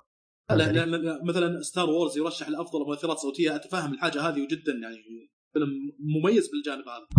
اي بس معلش مميز فواز. بالجانب الصوتي؟ اي ما فو- إي فو- أدري. اي فواز فواز أنا أقول لك أنا شفت Star Wars طبعا معك شفنا IMAX إيه. شفت شفت The Revenant سينما عادية. أنا أقول لك من هنا إن The Revenant نعم الصوتية فيه أحسن من Star Wars يعني شوف ان هناك المؤثرات حتى- الصوتيه أفضل. نعم في السينما في السينما. ما أدري وين وين وين. القوة بالصوت بالله عليك؟ يعني يعني Star Wars أنا أشوف القوة بالصوت صوت السيوف الليزر على صوت الطلق على صوت خليك على صوت نتشن. هو- الموضوع هنا هنا بالله عليك وين Revenant. صوت دب مثلا صوت دب يهجم على. الادمي نعم فواز نعم أبعد ابعد. الفان اللي بداخلك فان ستار وورز مو فان يا أخي يا أخي لا لا مو فان ستار وورز أنا أنا أنا ضد إنه يرشح فيلم ذا ريفنت كأفضل مؤثرات صوتيه بالله عليك وين الصوت بالموضوع الفيلم أوكي انت بتقول الصوت أنا أقول لك. أنا أقول لك انت اعطينا فرصة بس نقول يا فواز وما عليك. راح تقتنع إن شاء الله. أوكي يلا. عندك يلا خلينا نشوف. وين وين الصوت Revenant عندك شوف Star Wars أصواتها أول شيء خلينا خلينا نتكلم عن Star Wars Star Wars هو فيلم يعني له سبع أجزاء. والأصوات already يعني نفسها يعني كلها سيوف وهذه. طبعا الفيلم ما- عليه ما عليه يعني على قولتهم أخبار ولا أي شيء رهيب من Star Wars لكن Revenant وين وين الأصوات؟ أنا أقول لك.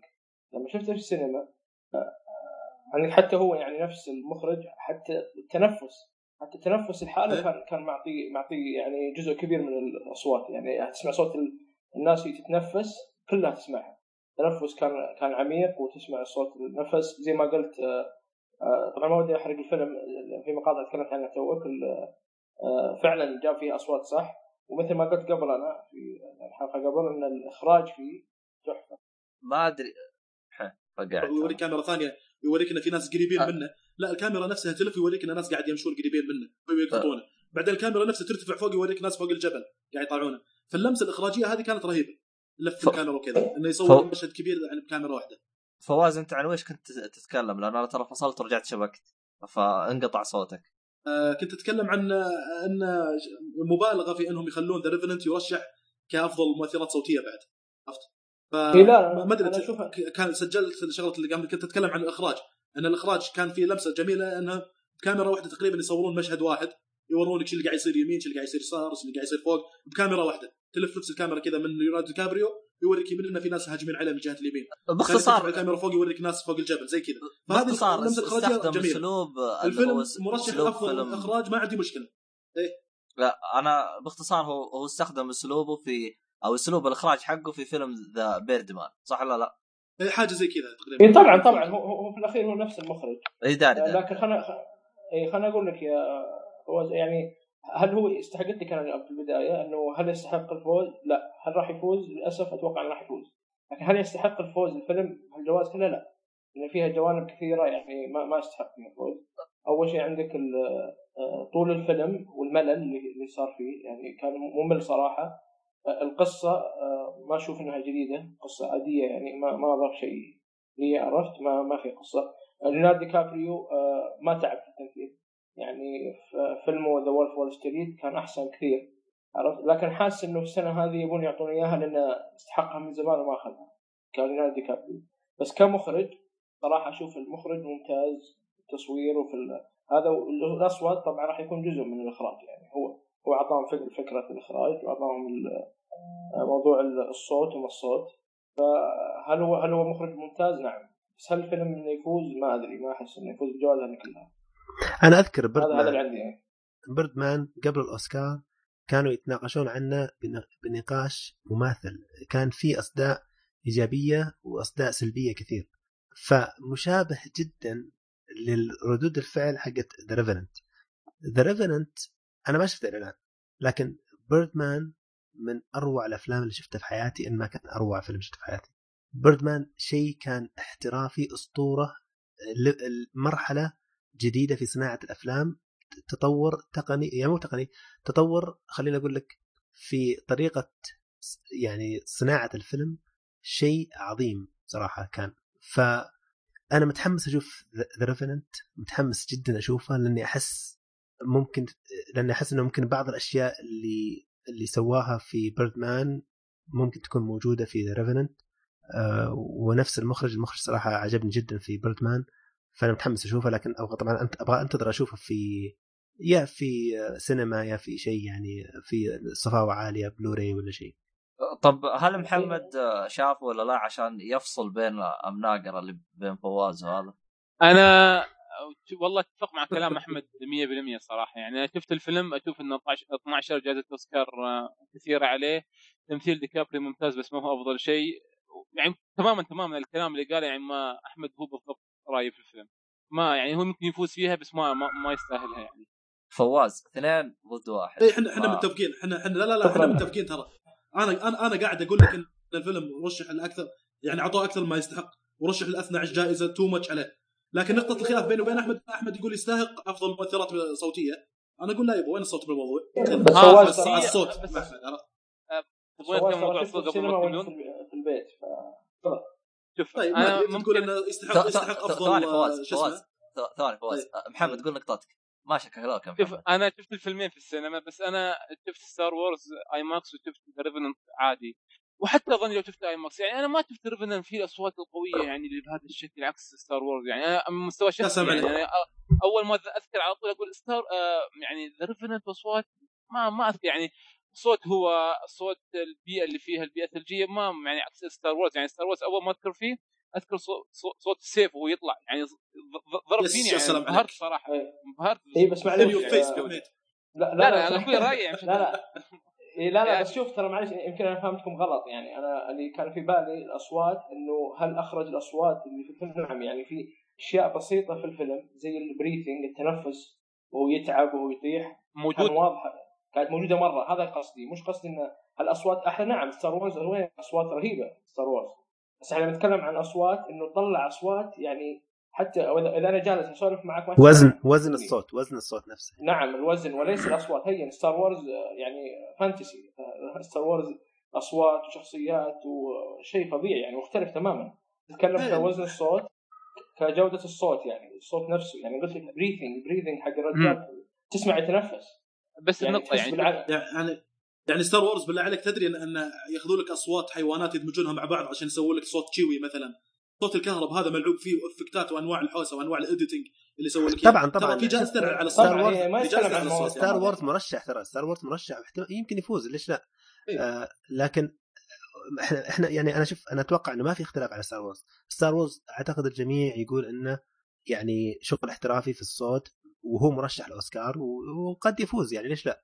لكن السؤال هنا هل ذا ريفننت يستاهل إنه يترشح ولا لا؟ يعني ما هي مقارنة عليك. بينه ما هي مساله مقارنة بينه وبين ستار وورز إيه، ف- ما هي مقارنة اي فأنا اللي يعني أنا أسأل اللي شافوه في السينما يعني أنت آه، تذكر الم- المقاطع اللي صارت فيها صوت مثلا زي مثلا مشهد الدب أنا ما شفته لكن أنا أنا عارف إنه في مشهد له. علاقة بالدب يعني ف يعني هل إيه. كان صوت الدب مثلا آه، مثلا الخشب لما يتكسر كيف صوته الثلج بالضبط. الثلج لما- لما يدعسون على الثلج وينحاشون لما يطيح على الثلج أي شيء زي كذا زين بعد آه، وهذا هو هذا هذا اللي كان قصدي. أنا هذا اللي صح. كان قصدي ان إن موضوع الأصوات يعني يعني حتى في أقوى من صوت الدب اللي في الفيلم أنا ما شفت الفيلم عشان كذا يعني- أنا ما أدري إذا في مشاهد ثانية إيه،. يعني فيها لا هو هو كل الفيلم يعني حتى هو يتعب وهو هو يعني شخص اللي هو طبعا ليوناردو كابري نتكلم عنه هنا.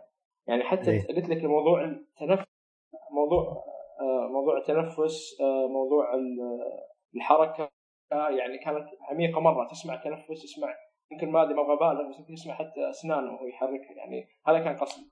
ك كجودة الصوت وإخراجها لل- للمشاهد. مش قصدك كانواع وهو- قصدك إيه. كأني فهمت من كلامك إنه وهو يرتعش تحس تحس أنت بالرعشه تحس بالبرد إيه يعني من, تحس من جوده تحس الصوت. تحس نعم. ممكن إيه يعني في تحس بعض الأفلام يعني إيه. آه، هذا كان قصدي إيه. في بعض الأفلام فعلا تحسسك مثلا ب- بشعور معين بسبة الصوت بسبة جودة الصوت أنت كمشاهد تحس إنك بردان ولا تحس إنك حران عرفت؟ بالضبط بالضبط. آه، يعني تحس إنه بس- يعاني تحس الممثل قاعد يعاني هذا الشخصية اللي قاعد تعاني في الفيلم هذا اللي كان قصدي صحيح صح. إيه. طيب عشان عشان آه، أوكي خلينا نرشح أفضل مؤثرات صوتية لكن لا يفوز. طيب. متفقين معي؟ اي اي لا شوف أنا ما شفت ترى أنا عندي ماد ماكس ترى أنا إيه. لسه ما جي ما جينا الآن. ترى ماد اي هذا ننتظر إحنا إيه. إيه. طيب آه، متفقين على الشغلة هذه تقريبا. انه يرشح لكن انه في شغلات مؤثرات صوتية أفضل.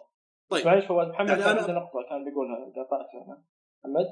آه شوف يعني هي هم هم جوائز الأصوات في جائزتين في ال sound editing وفي ال sound mixing ف أها. ولو تلاحظ إن المرشحين كلها أفلام قوية يعني مش افلام قوية قصدي أفلام مرشحة للاوسكار فالأصوات اللي تطلع في الفيلم أحس انه يعني ما تترشح إلا لو كان الفيلم قوي يعني ممكن في فيلم ثاني مركز على الأصوات بس يكون ضعيف.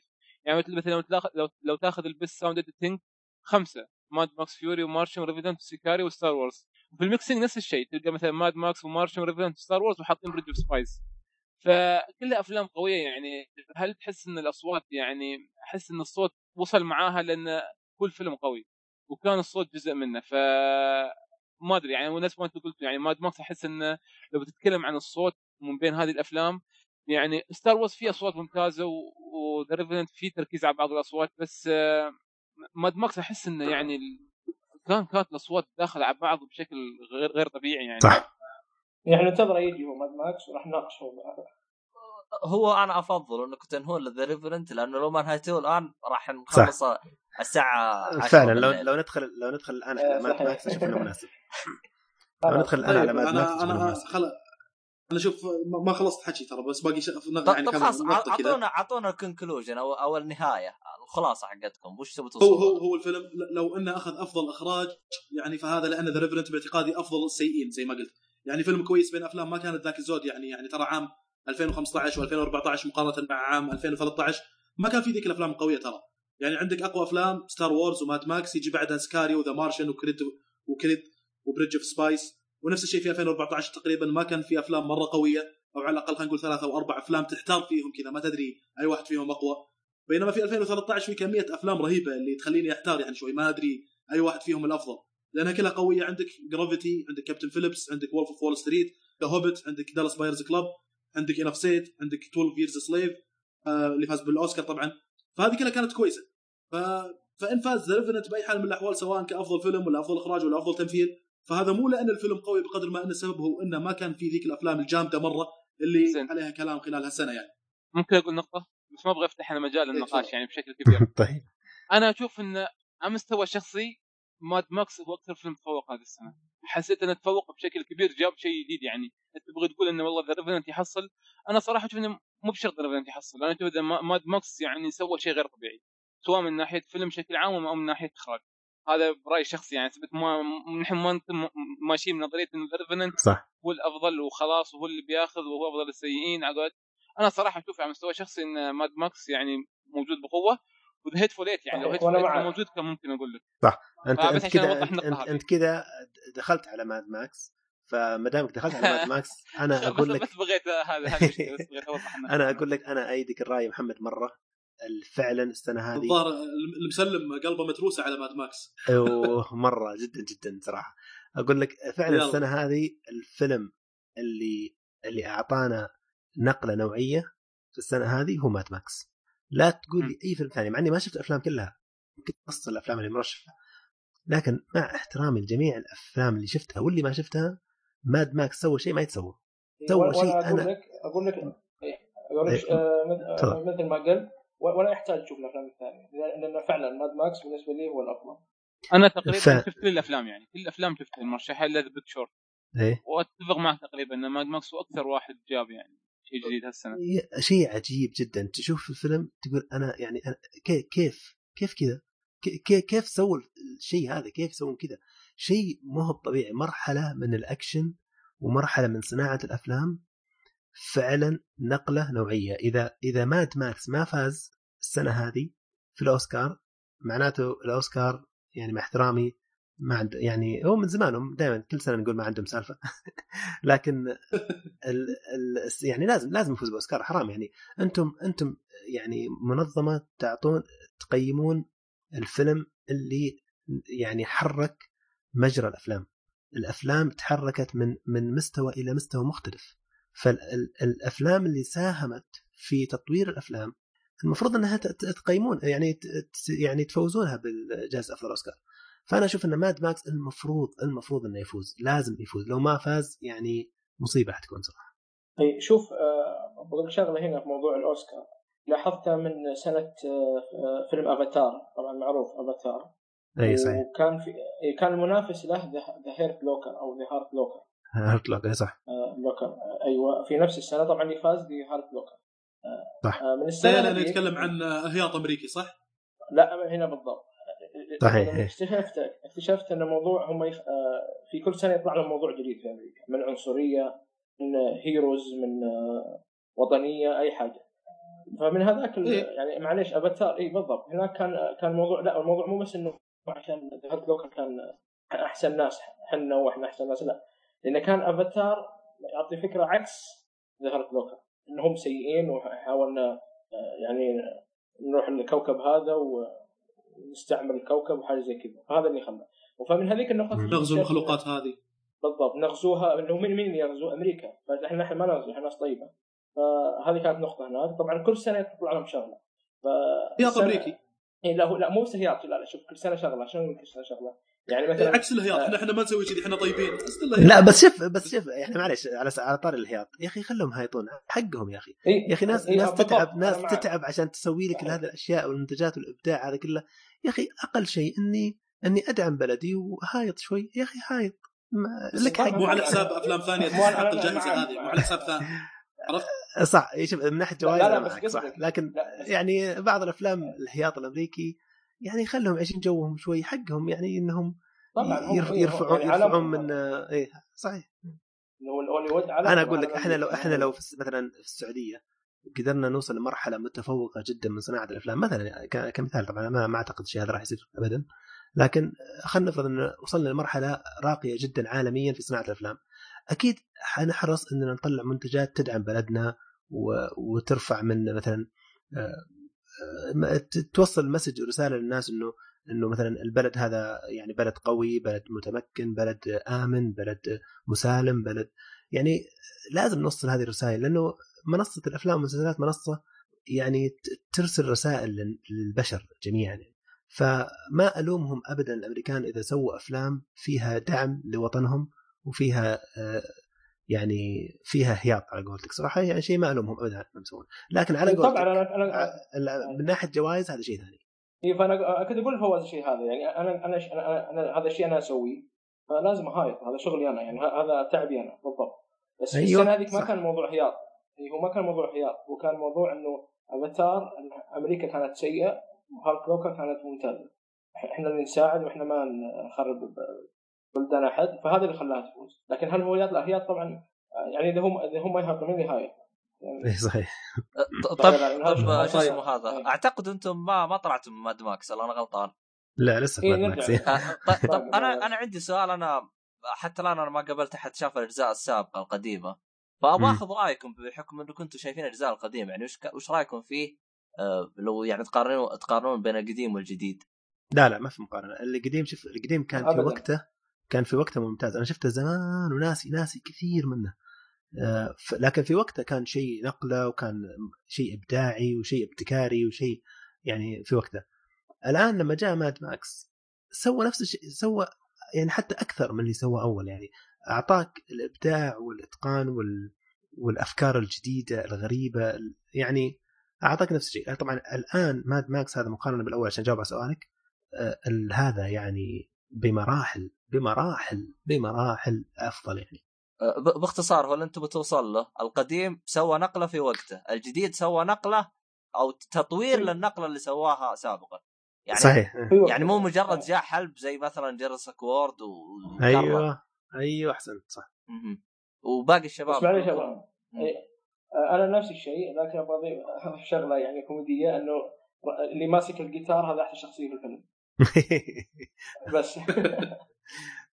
ليش ما رشحوه طيب بالسيوف لافضل ليه ما يحطوا جائزة. أفضل شطحة أو أفضل عبط موجود؟ بالضبط. كان هو افضل اللي واحد ماسك أحسن. الجيتار إيه، أنا أشوف اللي ماسك الجيتار وال- واللي يطبلون معاه هذا أحسن شيء في الفيلم. طبعا نرجع ال- الكلام باقي بعض النقاط عن ماد ماكس. فأنا أقول لك الشغلات هذه أضف إلى ذلك إن في جوانب ترشح فيها ذا ريفننت أعتقد إنه لو فاز بيكون ظلم لأفلام ثانية. يعني عندك في جائزة أفضل مؤثرات مرئية وأفضل صور سينمائية في ستار وورز وفي ماد ماكس ينافسون ذا ريفننت اذا ماد ماكس موجود بالثنتين أفضل صورة سينمائية وأفضل مؤثرات مرئية. لأن ستار وورز مو موجود بأفضل صورة سينمائية موجود بس بأفضل مؤثرات مرئية. بينما ماد ماكس موجود بأفضل صورة سينمائية وبأفضل مؤثرات مرئية فلو يفوز ذا ريفننت بجائزة أفضل صورة مثلا بيكون ظلم صراحة الفيلم ماد ماكس. لأن أنا هذا الجانب جانب الصورة والأكشن والبيئة والشكل الجمالي للقطات اللي بالفيلم أشوف إنها أقوى شيء بفيلم ماد ماكس. وهو أكثر شيء استمتعت فيه في فيلم ماد ماكس صراحة.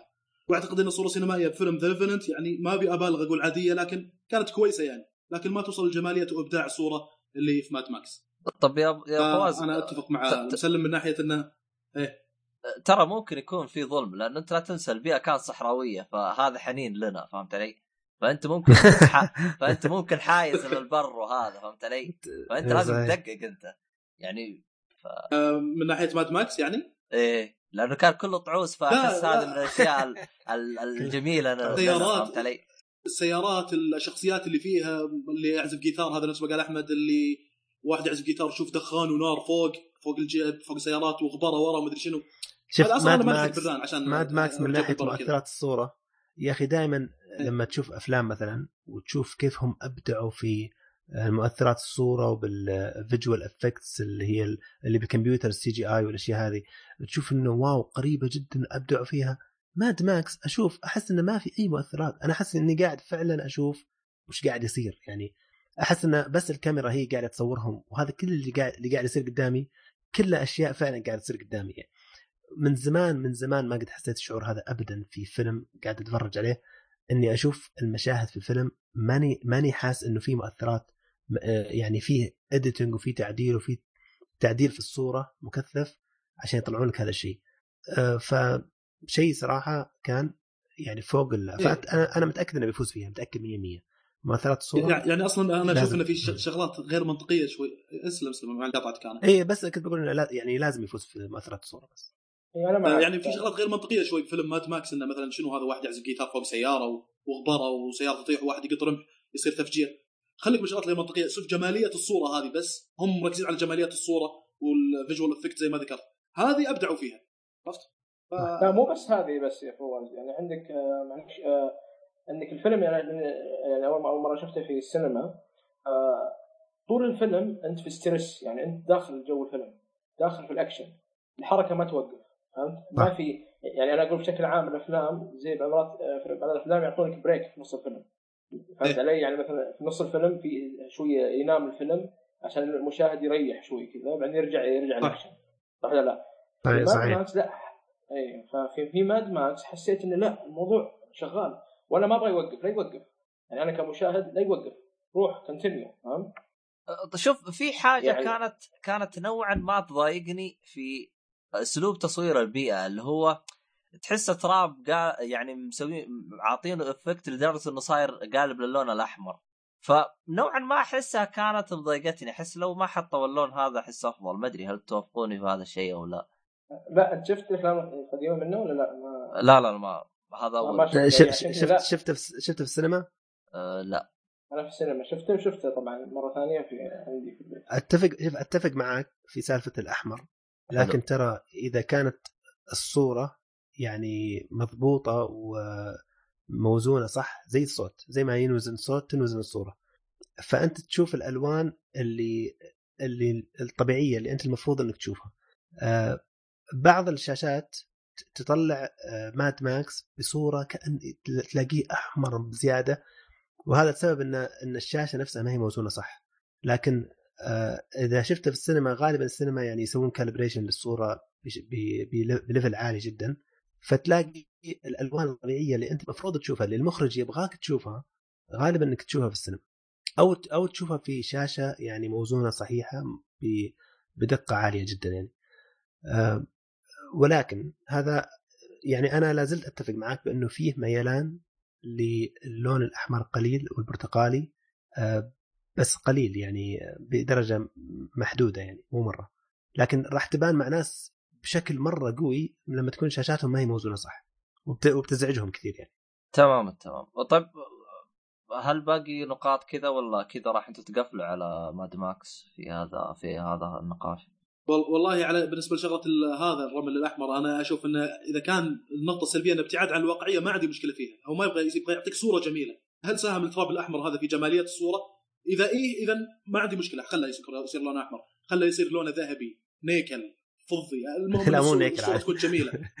لا لا فهمت ال point اللي بقصد إن الصورة تكون جميلة. فهمت يعني مو عليك. لازم تكون صورة جميلة. غير واقعيه يعني ما في النتيجة النتيجة يعني. النتيجة. فهمت. عليك. إيه. فهمت عليك. النتيجة اللي هي مساهمة اللون هذا في جمالية الصورة. هل أضاف الجماليه الصورة؟ نعم. خلى كذا. ما عندك أي مشكلة عرفت؟ بعدين حتى التراب ف- ترى التراب, التراب له أنواع وله ألوان بشكل عام في العالم. يعني في أماكن في العالم التراب يكون آه، بدرجة مختلفة عن أماكن ثانية وهكذا يعني. فيعني ممكن تلتمس لهم يعني تمشيها. يعني شيء مو هو يعني على قولتهم يعني شيء عادي يعني. هو شوف اللون هذا أنا كان ممكن أتقبله إذا كان في فيلم The Martian فهمت علي؟ اي يعني المريخ. إيه صحيح. إيه إيه فكان ممكن أتقبله. بس هنا هو هو يعني نوعا ما أحس لو شالوها أحس أفضل تأثير أغبار كذا سادة. آه، أحس ممكن يكون أفضل لكن ما أدري. لكن أحس بعد ما أنت قلت لي تحتاج تشوفه بالسينما أحس نوعا ما أقنعتني. ممكن إني أنا ماني شايفه مم. بالألوان الصحيحة بتكون الكلام هذا. إيه ب- ب- بتكون أهون عليك بكثير. يعني لما تشوف في السينما أو لما تشوفها بشاشة موزونة صح؟ بتكون أهون عليك بكثير. يعني ما أبغى أحلل كثير في الفيلم بس يعني أنا شفت أفلام القديمه يعني، آه، القديمه من الفيلم آه، الفكرة العامة أشوف إن العالم منتهي يعني العالم يعني هذا الغبار مش غبار رمل ترى. الموضوع ان يعني مم. العالم انتهى. يعني ك... يعني كأنه في تلوث إيه. تقريبا. في تلوث فظيع. يعني حتى وكله يلاحق يلاحق ال V8 على قولتهم. ال engine big engine آه، صح. البنزين. ف- فهذه فكرة الفيلم أصلا. يعني نقطة- نقطة العالم جيدة، صح. إيه، العالم انتهى فأنا قلت يعني أنا المرات احلل شوي بزيادة لكن هذا اللي أشوف اللي عشان كذا أنا أقول لك الفيلم ممتاز حتى من ناحية الالوان مع إني ما لاحظت اللي يقول عنه الأحمر لأن يمكن عندي فكرة هذه إنه الموضوع إنه مش مش صحراء بس الموضوع إنه العالم انتهى تلوث فظيع لدرجة إنه أشوف بعضهم حتى في الفيلم حاط له أجهزة تنفس وشغلات غريبة بحيث إنه خلاص العالم يعني صح مو مو في نهايته هو اوريدي انتهى يعني أنا هذا بس لو اعقب. على شيء أخير آه، في آه. ماد ماكس في ناس كثير أنا صادفهم يقول يا أخي ما في قصة في الفيلم ما في قصة في الفيلم. الفيلم ما فيه قصة يعني القصة ضعيفة القصة مدري إيش. آه، شوف الأفلام أنواع ومو شرط لما أنا أشغل فيلم معناته أنا لازم أشوف قصة قوية ولا ولا فيلم بايخ. لا هذا فيلم أكشن مصنف كفيلم أكشن pure pure أكشن. فأنت لما تدخل الفيلم أنت قاعد تبحث عن شيء معين أنت قاعد أنت قاعد تبحث عن أكشن. فالفيلم وش أعطاك؟ الفيلم أعطاك رحلة. رحله عبارة عن يعني من نقطة A إلى نقطة B. فأنت تشوف الرحلة هذه وش يصير فيها حتى الف- أثناء الرحلة هذه في أحداث تصير في تكتشف مثلا زي البنات اللي يطلعوا فجأة اللي في الفيلم بدون تفاصيل أكثر. آه، تبدأ تكتشف ليش وش هدف البنت هذه من الرحلة وأشياء زي كذا يعني. فتبدأ تكتشف أشياء في أثناء الرحلة تسليك يعني. بعدين حتى أحداث تصير ناس ناس جدد ينضمون آه، في شخص يحول آه، من من من جهة إلى جهة ثانية ينضم لناس ثانيين وهكذا. ففي أحداث تصير في, الرحلة هذه كلها. فلما يجيني واحد يقول ما في قصة أقول طيب أنا عادي ما في قصة. أنا أنا داخل أبغى أشوف أكشن داخل أبغى أشوف رحلة آه، فيها أحداث مثيرة. يعني كأنك رايح يعني آه، تروح ملاهي ولا شيء تنبسط يعني تمتع نظرك بمشاهد يعني ممتعة وأكشن ممتع. فمن ناحية الأكشن الفيلم أخ... يعني أخذنا كمشاهدين إلى مرحلة جديدة من الأكشن إحنا عمرنا ما شفناها في حياتنا. فلما يجيك واحد يقول ما في قصة طب طب okay يعني أنت أنت أنت تدور على قصة روح شوف افلام ثانية فيها قصة يعني فهمت علي؟ هو, ولو شوف إن هو, صحيح القصة إنه ما حتى في ما كانت في لا قصة. بأس فيها يعني. هو, تفضل. صحيح إنه ما في قصة لكن أحسه جاب باسلوب إنه يعني خصوصا أنا اللي يعني أحس اللي شوقني للفيلم إنه البطل ساكت أغلب وقته. يعني صح. يعني كأنه يعني كأنه ما يجلس يبربر لك لا يقول لك شوفني وأنا إيش أسوي. فأحس توم أحس. هذا نوعا ما إيه إيه. أحس نوعا ما عطى جو جو يعني للفيلم شويتين. أه، لأنه أنت فعلا صادق يعني يعني أنت لو لو مثلا تجي تقارنه بأفلام الأكشن أحس هذا هذا طلع زي ما تقول إيش تصنيف جديد لأفلام الأكشن. أحسنت صح. مم. تصنيف جديد ويخليك تحس كذا يخليك تحس إن أفلام الأكشن الثانية كلها زبالة فجأة. فجأة كنت في حتى والله شوف في أفلام أكشن كانت تعجبني بعد ماد ماكس لما أتذكرها أقول كيف كان يعجبني هذاك الأكشن؟ يعني هذاك أبو كلب صار يعني كل شيء صار يعني شيء آه، يعني ماد ماكس غير وجهة نظري في أفلام كثير كانت تعجبني فجأة صارت خلاص مستواها في الأكشن أنا طاح. آه، ماد ماكس عرفنا على على level جديد من الاكشن صراحة. فعشان كذا أنا أشوف إنه لازم ياخذ أوسكار. صحيح، صحيح. بصراحة أنا خلال الخمس سنوات الماضية لو تقول لي شنو أفضل فيلم أكشن شفته اللي ما زال متصدر وفي أفلام تبدع نفس ماد ماكس تقرب منه بس ما توصل لمستواه Fast and Furious 5 اللي ما انساه ذاك الفيلم صراحة تجربة؟ تجربة صراحة عجيبة Fast and Furious 5 اللي فيه يسحبون الخزنات في البرازيل في البرازيل اي اي إيه، كان في إبداع، يسحبون الخزنات. الخزنات تتقلب بالشوارع وتخش على مبنى ومدري شنو حذفوا لك إيه. سيارات يا شيخ بالفيلم عجيب عجيب كان جدا طبعا ممكن أقرب واحد قرب له ماد ماكس من ناحيتي يعني تقول ثاني أفضل فيلم من ناحية الأكشن ماد ماكس واتفق معك إنه من الظلم جدا إن الفيلم ما يفوز بأي جائزة. لا تنسون مؤثرات صوتية مؤثرات مرئية وكذا.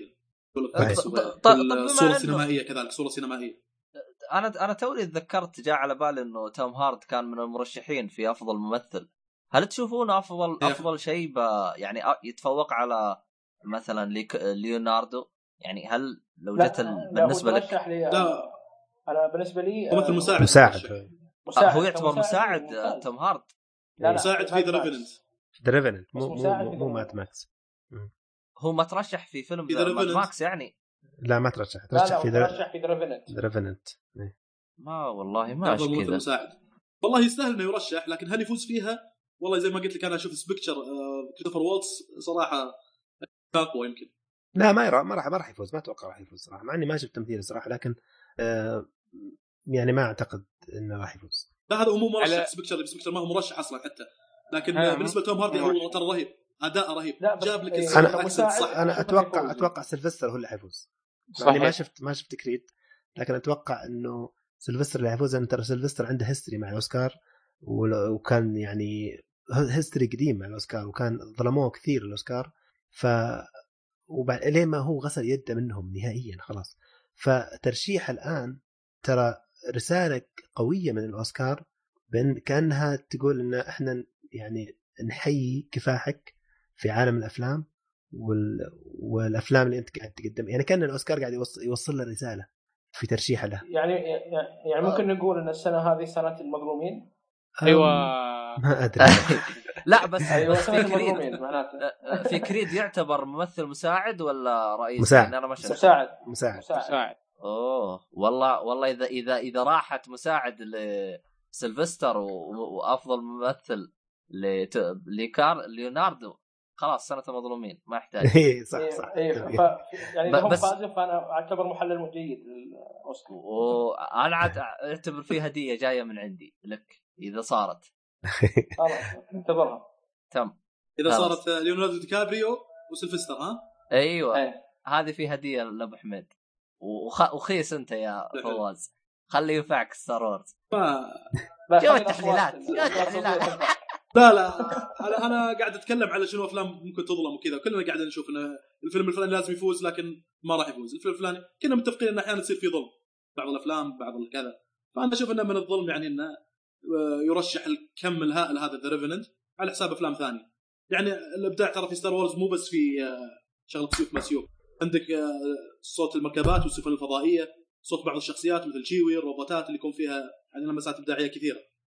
يعني شوف إن أحيانا في بعض الأفلام تظلم وكذا عموما طيب. شوف إحنا إيش اللي يفوز. آه، بس هذا ما نختلف إن ترى توم هاردي أبدع جدا في آه، كممثل مساعد. طبعا في حاجة أبغى أنوه عليها قبل لا نكمل باقي الحلقة إنه آه، عبد العزيز مسلم آه، جاله ظرف واضطر إنه يستأذن فبس عيالنا سينبهوا هذا الشيء ف يعني يعطيه العافية عبد العزيز آه، ما قصر. وكملوا باقي الحلقة واستمتعوا.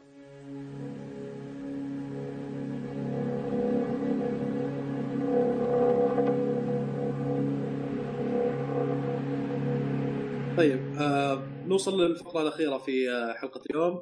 والفقرة حتكون أسئلة. أسئلة ونشوف شنو الاجوبه عليها. السؤال الأول. سؤال صعب.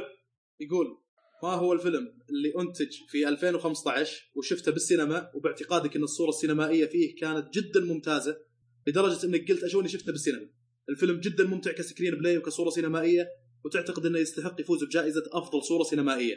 تكلم عن best picture إيش رأيكم؟ ما هو الفيلم المستحق لهذه الجائزة؟ آه، بالنسبة لي طبعا آه، مثل ما ناقشنا قبل شوي أتوقع آه، ماد ماكس صراحة كسينما ماد ماكس إيه لأنك شفته بالسينما المشكلة إني ما شفته بالسينما ولا كان ممكن أتفق معك. أنا أشوف آه، ستار وورز أنا لأني ما شفت كثير أفلام في السينما صراحة الأفلام المرشحة هنا لكن أشوف إن ستار وورز هو. طيب ومحمد أنا والله بالنسبة لي يعني نفس ما قال أحمد آه، ماد ماكس فيوري رود وكنت أتمنى لو شفته في IMAX يعني كان بيكون أفضل والستار وورز أكيد ستار وورز شفته في IMAX يعني وفي أشياء وتفاصيل ومن ناحية الاصوات وكل شيء يعني كان بيكون لو شفته في مكان ثاني أو تجربة ثانية غير ال IMAX فهذا الفيلمين يمكن هم أقوى اثنين مرشحين انه بالنسبة لي انه يفضل إن الشخص يشوفهم في السينما واللي بتضيع عليه التجربة. عكس مثلا يعني اكون صريح معاك يعني مثلا فيلم مثل The Revenant الأفلام الثانية Room Bridge of Spies The Big Short Spotlight يعني ممكن عادي تشوفهم في البيت يعني. ف بالضبط إيه. تجربتين يعني. أفلام درامية هذه كانت عادية لكن آه، نتكلم عن افلام آه، ماد ماكس على ستار وورز هذه أفلام من جد الواحد اللي المفروض إنه يحرص إنه يشوفها بالسينما يعني. بس آه، أنت وين شفتها؟ IMAX وين هي موجودة؟ والله فتحوا عندنا سينما دبي اي ولا؟ ماكس فتحوا عندنا سينما IMAX في دبي أظني موجودة هي في دبي مول مو متأكد بس فتحوا اللي اعرفه اللي في مول في مرت VOX Cinema آه،. عادة مول الامارات يعني هذه مول من الإمارات. افضل السينمات يعني إيه.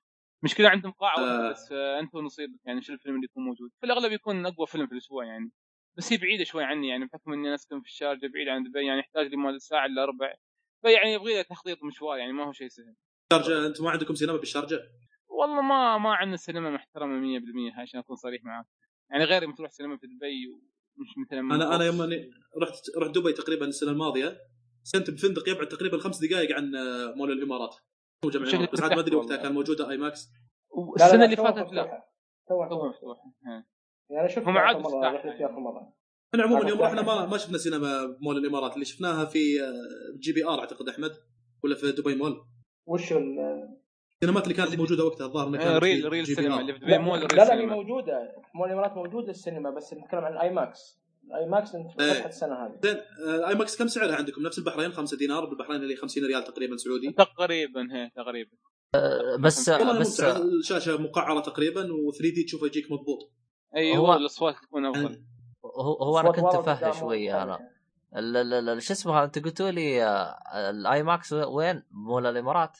اي إيه. في الإمارات ما فيه بدبي ما فيه بالإمارات غير ب المول هذا لا لا ممكن في في ابن بطه بس آه، مش متأكد يعني يعني الأفلام اللي يكون فيها ال picture قوي يصير صورة سينمائية وأكشن وكذا من. من. نوعية ستار وورز على ماد ماكس على كذا أنا صراحة أنصح الواحد يشوفها بالسينما هذه صراحة لا وفي. فيلم منتظر طبعا اللي بين- بينزل اللي هو باتمان v سوبرمان اي هذا. بيشاف IMAX.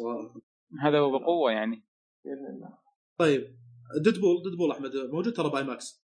ما حجزت يستاهل اليوم بس يلا إن شاء الله. لا لا ديدبول لا. ديدبول يعني كوميديا أكثر من هو أكشن أو إنه graphics يعني عاليه تكون فيه ولا لا لا. يعني ممكن تشوفه عادي. طيب آه زين شوف السؤال الثاني السؤال الثاني يقول بشكل عام هل تعتقد إن لجنة الأوسكار عادلة وفعلا تعطي الجائزة للفيلم اللي يستحق نظرة للسنوات الماضية في 2014 مثلا فاز بيردمان وفي 2013 12 يير سليف هل تعتقد إنها عادلة الأفلام هذه فعلا تستحق الأوسكار ولا لا؟ من ناحية أفضل فيلم أنا قاعد أتكلم. طبعا 2014 بيردمان أنا صراحة ما أذكر شو الأفلام اللي كانت منافسة لكن في 2013 لا أشوف ان 12 يير سليف صراحة كان بس لأنه يتكلم عن شغلة في العنصرية اعطته الجائزه يعني. صحيح فيلم حلو لكن السنة ذي كانت فيها أفلام قوية. خليك من الجرافيك يعني أشوف إن كابتن فيليبس كان يستحقها. كابتن فيليبس في 2013 هو اللي كان أفضل فيلم صراحة. طيب آه، تبغى بشكل عام يعني ولا بس سنتين سنتين هذه يعني؟ أه، بشكل عام. أنا بس لأن أقول السنتين هذه تعطيك انطباع شوي. بس إيه، بشكل. عام. بشكل عام لا طبعا هي غير عادلة زي ما قلت بالضبط لكن كبيرد مان لا يستاهل. بيرد مان صراحة يستاهل فيلم. وأنا معاك آه، 12 Years a Slave بس عشان موضوع عنصرية الفيلم ما يستاهل ابدا. يعني حتى كان عندي مشكلة واحدة في الفيلم اللي هو القفزة اللي في السنوات. يعني كانت قفزة عالية في نص الفيلم. أنا ما أذكر من زمان شايفه لكن بشكل عام يعني إنه ما يستاهل. أه، شوف أنا بالنسبة لي أنا أه، أنا أشوف تقريبا الأوسكار الوحيد اللي كنت أعطيه اهتمام وتابعته وشفت كل الجوائز ومو بس شفت كل الجوائز كل الأفلام اللي انعرضت في هذاك. في- هذيك السنة أنا شفتها كاملة اللي هي تقريبا ما يقارب 50 فيلم هذه كلها شفتها تقريبا كان اختياراتهم عادلة نوعا ما صحيح إنه كنت زي ما تقول ما أبغى هذا أبغى هذا ولكن كانت في الأغلب يعني ما ما كان فيها ظلم في 2014 أتكلم لك أوسكار 2014 باقي الأوسكار أنا ما أدري إي هو أحمد يقول نفس الكلام إن 2014 بيردمان أيوة. هو اللي كان يستحق بس إنه في أنا أنا ما أحمد أكلمك عن بيرد مان أنا آه، أكلمك عن الجوائز الجوائز. كاملة آه. آه. الجوائز كانت عادلة كاملة ها؟ كانت كلها عادلة لأن أنا شفت كل الأفلام فصحيح إن أنا أحيانا أميل للشيء أشوف إنه أفضل من هذا ولكن اللي ع... اللي رشح له يعني ما هو شيء ضعيف يعني مثلا عندك مثلا بالتمثيل التمثيل آه، لمين راحت التمثيل يا عيال؟ ذكروني. ايدي ريدمان هي؟ لا، لا، إيدي ريدمان. آه، اللي هو بفيلم The The The Theory of The Theory. Everything أيوه. مم. أنا ما إيه، كنت. أنا أنا ما كنت أبغى الممثل هذا. كان في ممثل ثاني يا أخي المشكلة فجأة كذا طارت عني اللستة.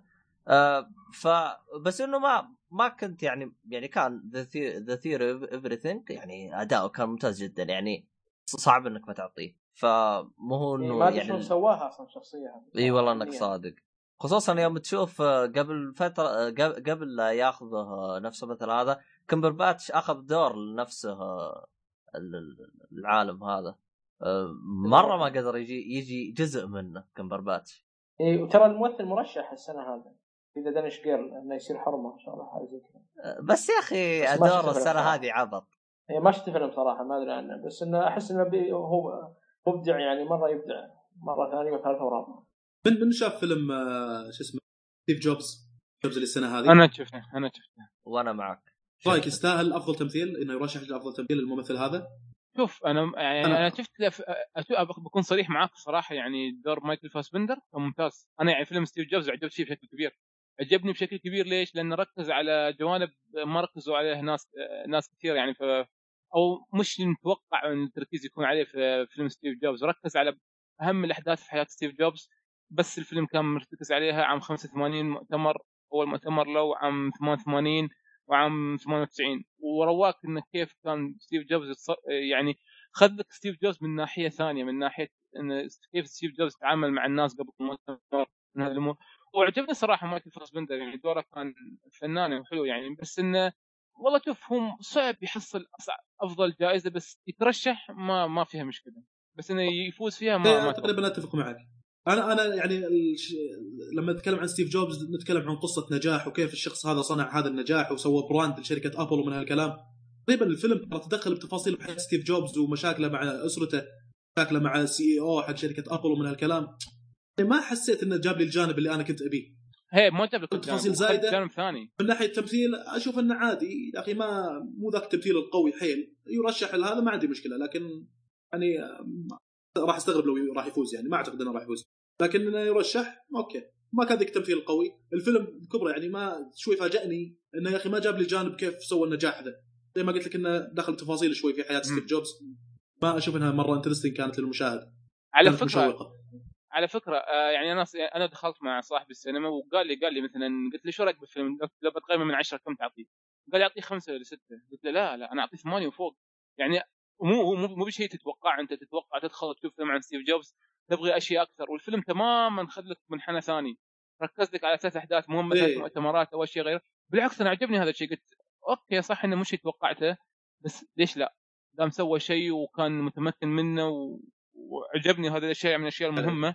فقلت ليش لا؟ ليش لا؟ أنا هذا تفكر فيها من هذه الناحية هو جابها صح بس مش اللي يتوقع من المشاهد. فهاي بس تو... إيه، هو إيه. شوف أنا أنا كانت عندي نقطة. أنا يوم دخلت على الفيلم كنت أبغى أشوف يعني ستيف جوبز نظرة عامة له يعني من إلى كيف كان وكيف صار فهمت علي؟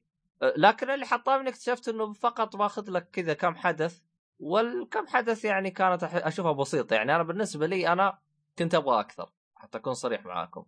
أه، عشان كذا شفت إنه الفيلم ضعيف. يعني كانت الأحداث اللي يركز عليها كانت بسيطة. أنا تمنيت إنه يعني كانوا زي مثلا آه، شو اسمه هذا؟ يا أخي في في الثاني اللي هو آه، اللهم صل على محمد آه، منو المساعد؟ مثلا Beautiful Mind يعني جاب لك القصة كاملة تقريبا. يعني أعطاك نظرة عامة عن ال...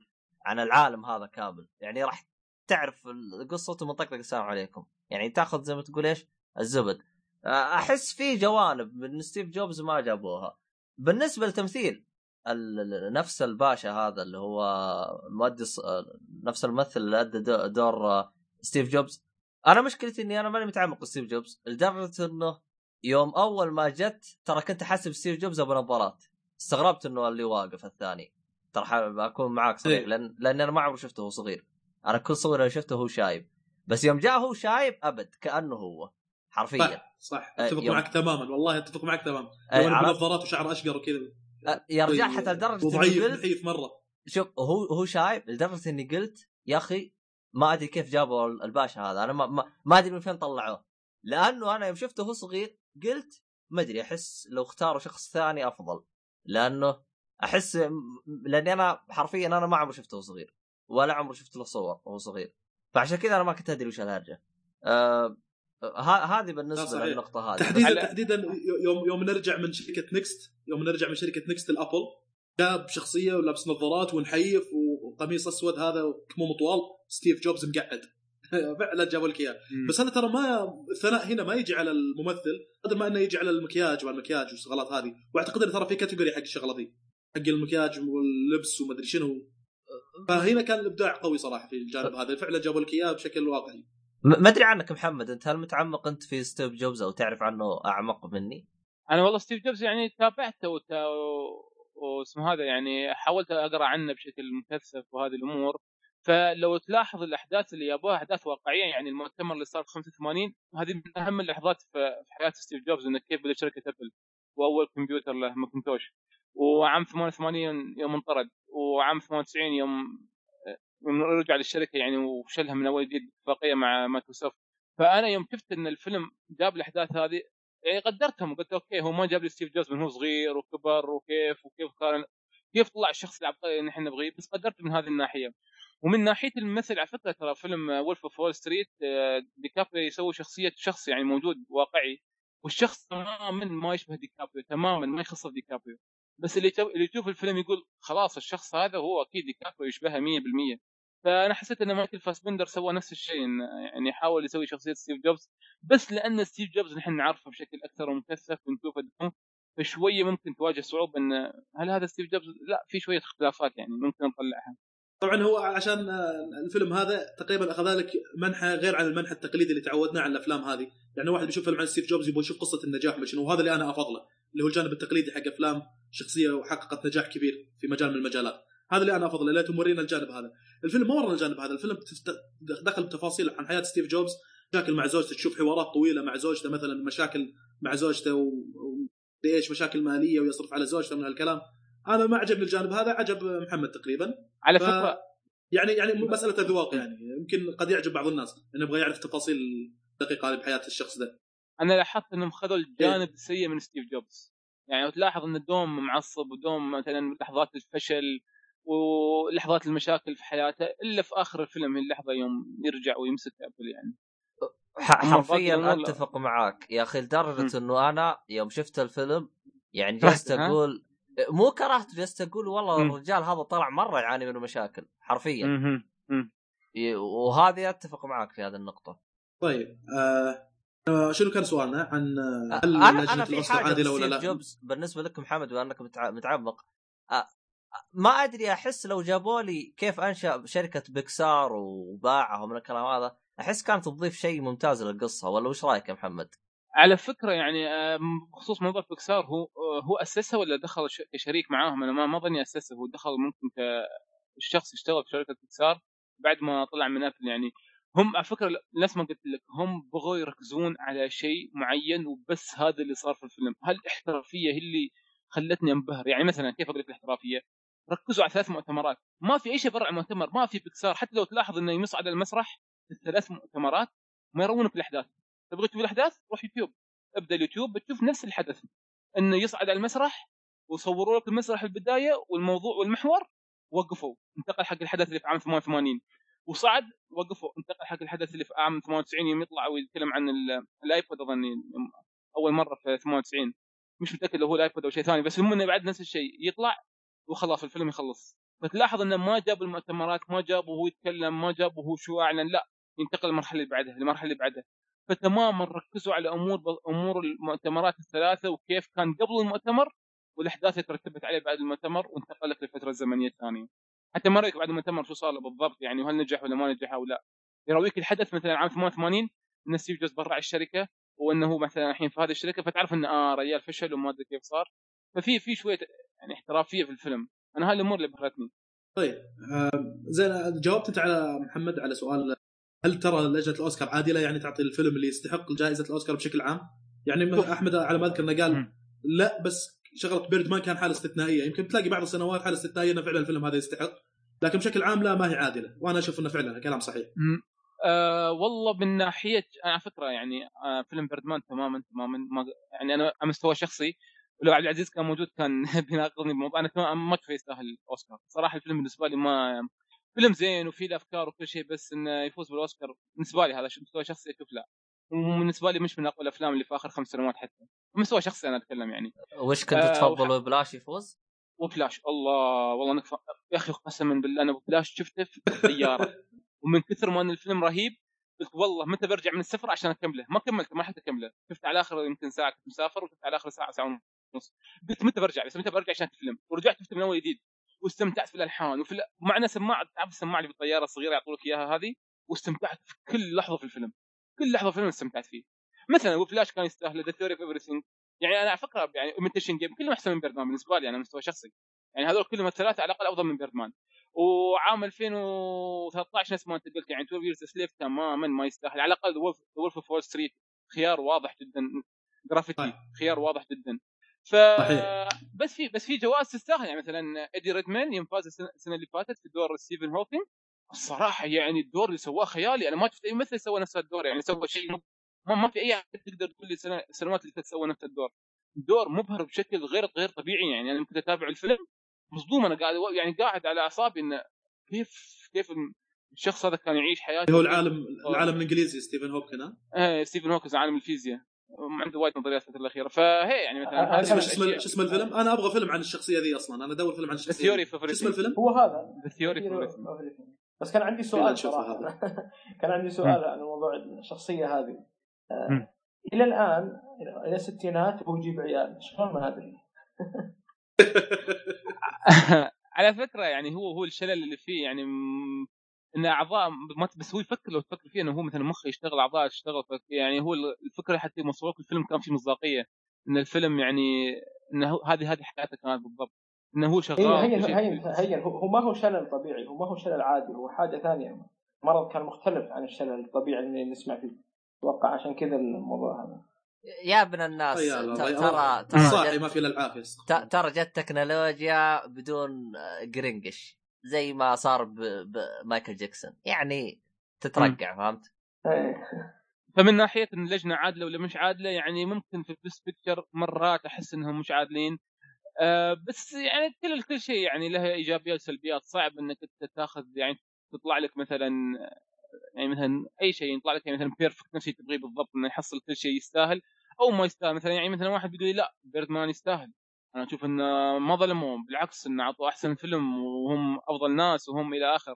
ذيك السنة اللي بعدها لا. أه. مثلا يعطيك شيء أنت ما تحبه بس شخص ثاني يحبه. فهذه الفكرة يعني. لا, لا بس ليش أنا أقول لك إنه يستاهل؟ الفيلم مش عشان شيء شخصي. آه، بالنسبة لي بيردمان الفيلم يعني ما هو ذاك الإبداع لكن في نقطة واحدة أتوقع هي اللي نجحت الفيلم هذا إنه دمج الواقع مع الخيال ومع ومع الايش آه تاريخ الشخصية. ثلاث نقاط هذه. اللي شاف الفيلم راح يشوف الثلاث نقاط هذه مندمجه مع بعض. يعني فجأة تشوفه يمشي ويبي ياخذ تاكسي أو حاجة فجأة يطير. طيب شلون يطير؟ هذا خيال. نفس الوقت الخيال هذا هو شخصية فيلم سواها الممثل في الفيلم. فدمج تاريخ مع خيال مع واقع هذا اللي خلى الفيلم أتوقع ينجح يعني طيب ننتقل للسؤال اللي بعده سؤال يقول ما هو أكثر فيلم استمتعت بمشاهدته من إنتاج 2015 وهل تعتقد إنه يستحق الأوسكار أم لا؟ سؤال تقريبا من شقين. آه أنا تقريبا جاوبت على السؤال هذا، أفضل فيلم استمتعت بمشاهدته صراحة هذا وولك، هل يستحق الأوسكار؟ نعم، للأسف ما ترشح لأي شيء، هذا مصداقية لأني أشوف إنهم غير عادلين صراحة. آه، إيش رأيكم أنتم؟ شنو أفضل فيلم شفته في 2015؟ والله يا فواز أنت أسلوب طرحك للسؤال كأنك جورج قرداحي. باقي بس ما هو؟ بدك إيه. تستعين المساعده إذا بدك. إيه. والله لا لا روح يا. روح أحمد.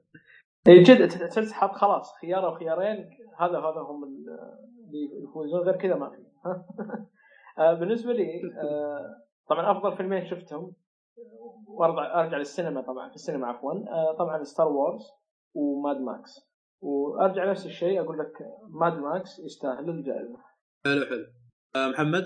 والله أكثر فيلم آه، مرة ثانية السؤال بس أثبت انه هو مقسم منقسم عشان أقدر أجاوب على كل قسم فيهم السؤال تبي السؤال مرة ثانية؟ هي السؤال بالأقسام عشان أجاوب على كل قصه سؤال. أنا مم. ما هو أفضل فيلم شفته في 2015 وهل تعتقد إنه يستحق الأوسكار أم لا؟ شوف أفضل فيلم من ناحية شخصية شفته في الفيلم عشان أكون صريح معك يعني أنا مدحت في Mad Max وعطيته وقلت إنه يستاهل ما أدري كيف. على فكرة Mad Max يعني موضوع إنه ما في قصة يلعب دور كبير يعني ترى ينق- ينقص من التقييم بالنسبة لي أنا من النوع اللي أهتم إن القصة تكون موجودة. لو ما لو شو ما يكون الفيلم متفوق ما في قصة ترى بينقص من التقييم. بس هذا ما يعني إني أظلم حقه. فمن ناحيتي يمكن أقول لك إن The Hateful Eight The Hateful Eight ترى أبهرني بشكل غير طبيعي يعني The Hateful Eight صح إنه كان طويل. يعني هاللحظات تجيك لحظات الملل البسيطة بس الأحداث وكيف تطورت؟ أتوقع أن ذا هيت ايت هو أكثر واحد أبهرني في 2015 يعني واستمتعت فيه. هل يستاهل الأوسكار؟ ممكن أقول لك لا ممكن Mad Max يستاهل الأوسكار لأنه جاب شيء جديد. بس بسبب انه ما في قصة في مثلا يعني في بعض الأمور شوية ناقصة بالنسبة لي بس نسيتها. بس أنا أذكر يعني أنا مطلع من الفيلم اعطيه تقييم وخلاص أكون متأكد من التقييم.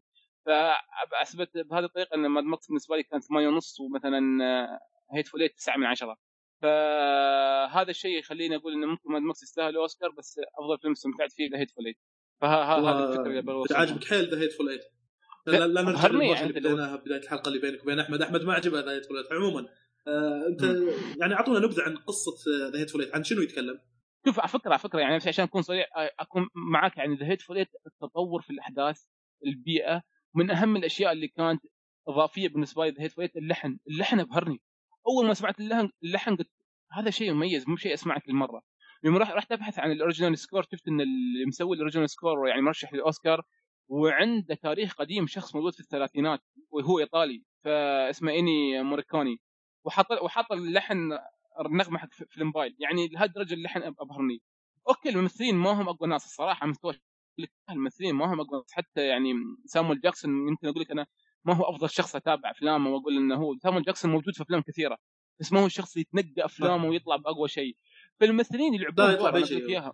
ها، يعني يلعب في أي شيء. فذا الممثلين يعني مثلا يعني مثلا سامويل جاكسون ما هو مثلا ديكابريو أو ما هو يعني مثلا شو أقول لك مثلا ممثلين معروفين مثلا براين كراستون مات ديمون ديكابريو يعني هذول كلهم افضلهم على إيدي ريدماين مايكل فاسبندر. كلهم افضلهم على سامويل جاكسون وبسهولة. وهذا بالنسبة لي أفضل ممثل كان في الفيلم يعني أو أشهرهم. فالممثلين لعبوا دورهم. هل لعبوه 100% هل كانوا هم المميزين؟ وهم أفضل ناس لدورهم؟ لا.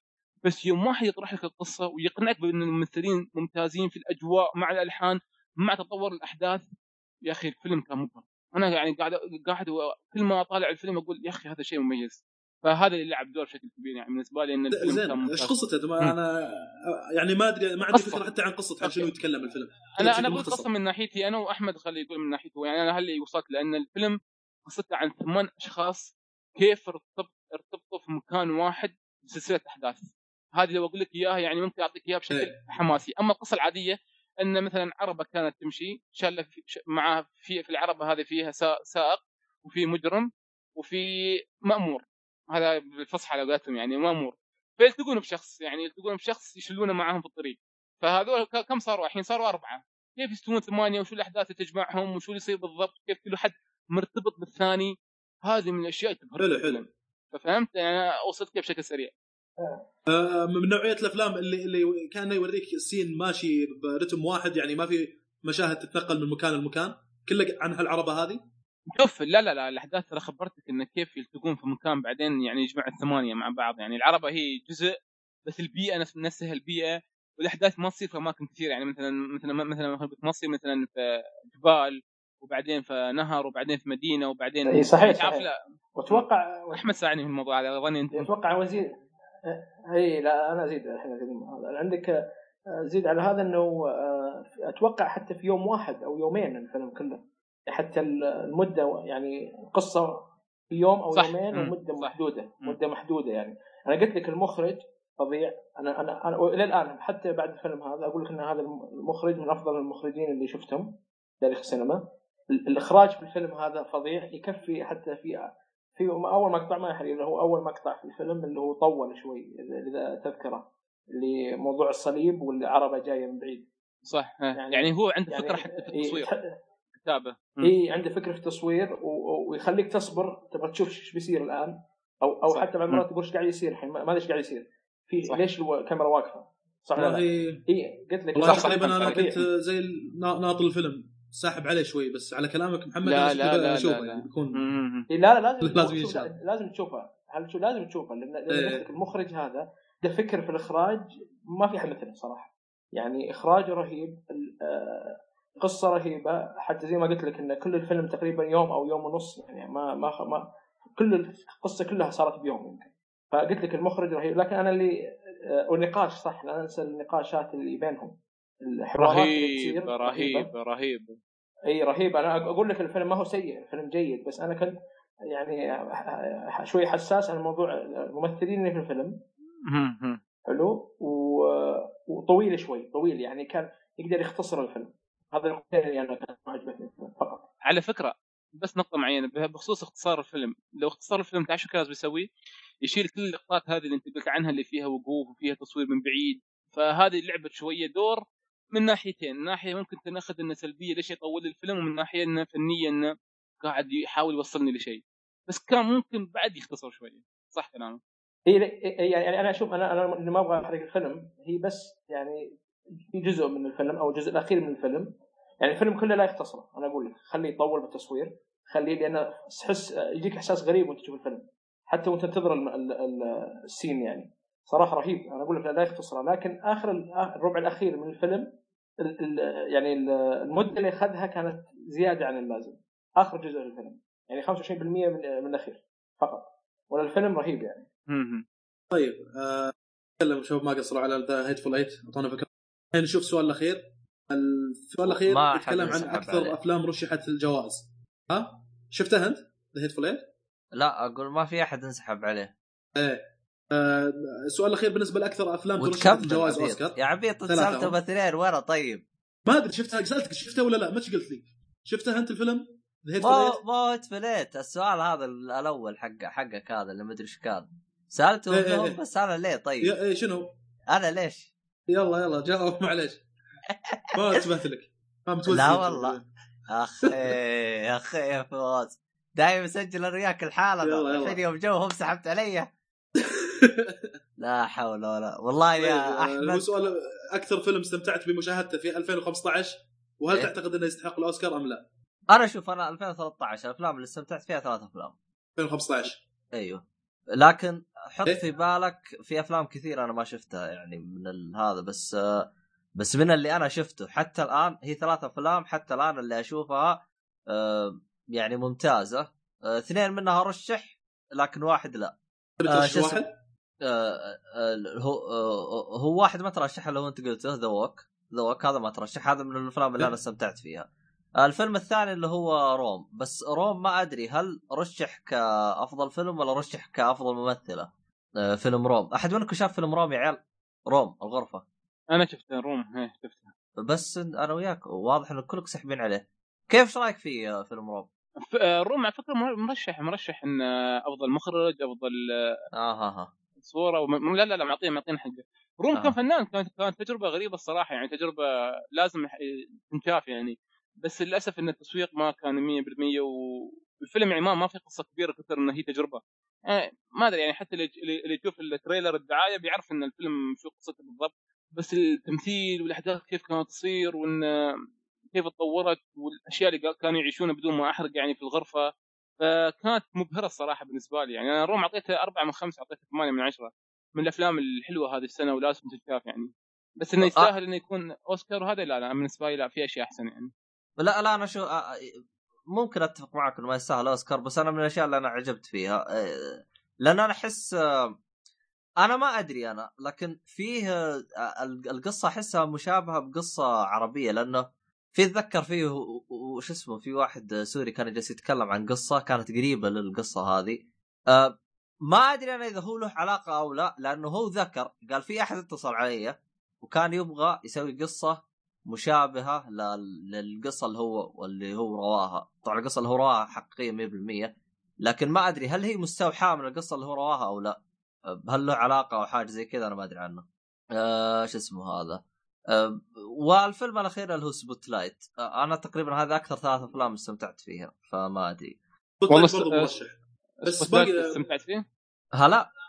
لا بس أقول موضوع Spotlight شفته كامل أنت يعني؟ اي شفته كامل. والله أنا شفت أول ساعة يعني ما أدري أحس في برود هو, يعني هو شوف ما- هو هو شوف Spotlight ممكن ممكن ممكن يعني ما يعجبنا إحنا بسبب انه هم كانوا آه، تركيزهم آه، ما أدري إذا كان وضح لك عن ال... على قضية معينة. لا فهمت. فهمت التركيز اللي في الفيلم أنا. آه، أيوه. فممكن ال ال ال القصة هذه ما تهمنا إحنا فهمت علي؟ ولكن بالنسبة لي أنا القصة شدتني يعني شوف هو في حاجة يعني مهمة ما أدري أنا إذا بد... آه، أنت شفت بس ساعة أو لا آه، نص الفيلم ولا؟ شفت ساعة. هي نص الفيلم تقريبا أي أيوه. هل شدك إنك تكمل ولا ما شدك؟ شوف القصة على فكرة يعني القصة أنا هذه القصص اللي تاخذ يعني قصة واقعية أكيد يعني سمعنا عنها كثير. ما ظني حرق لو قلت القصة يعني عن موضوع الكنيسة وكيف إن نسمع دوم أفلام كثيرة إن كيف ال- القص اللي في الكنيسة يعني يستغل الاولاد الصغار وهذه الأمور والتحرش الجنسي وهذه.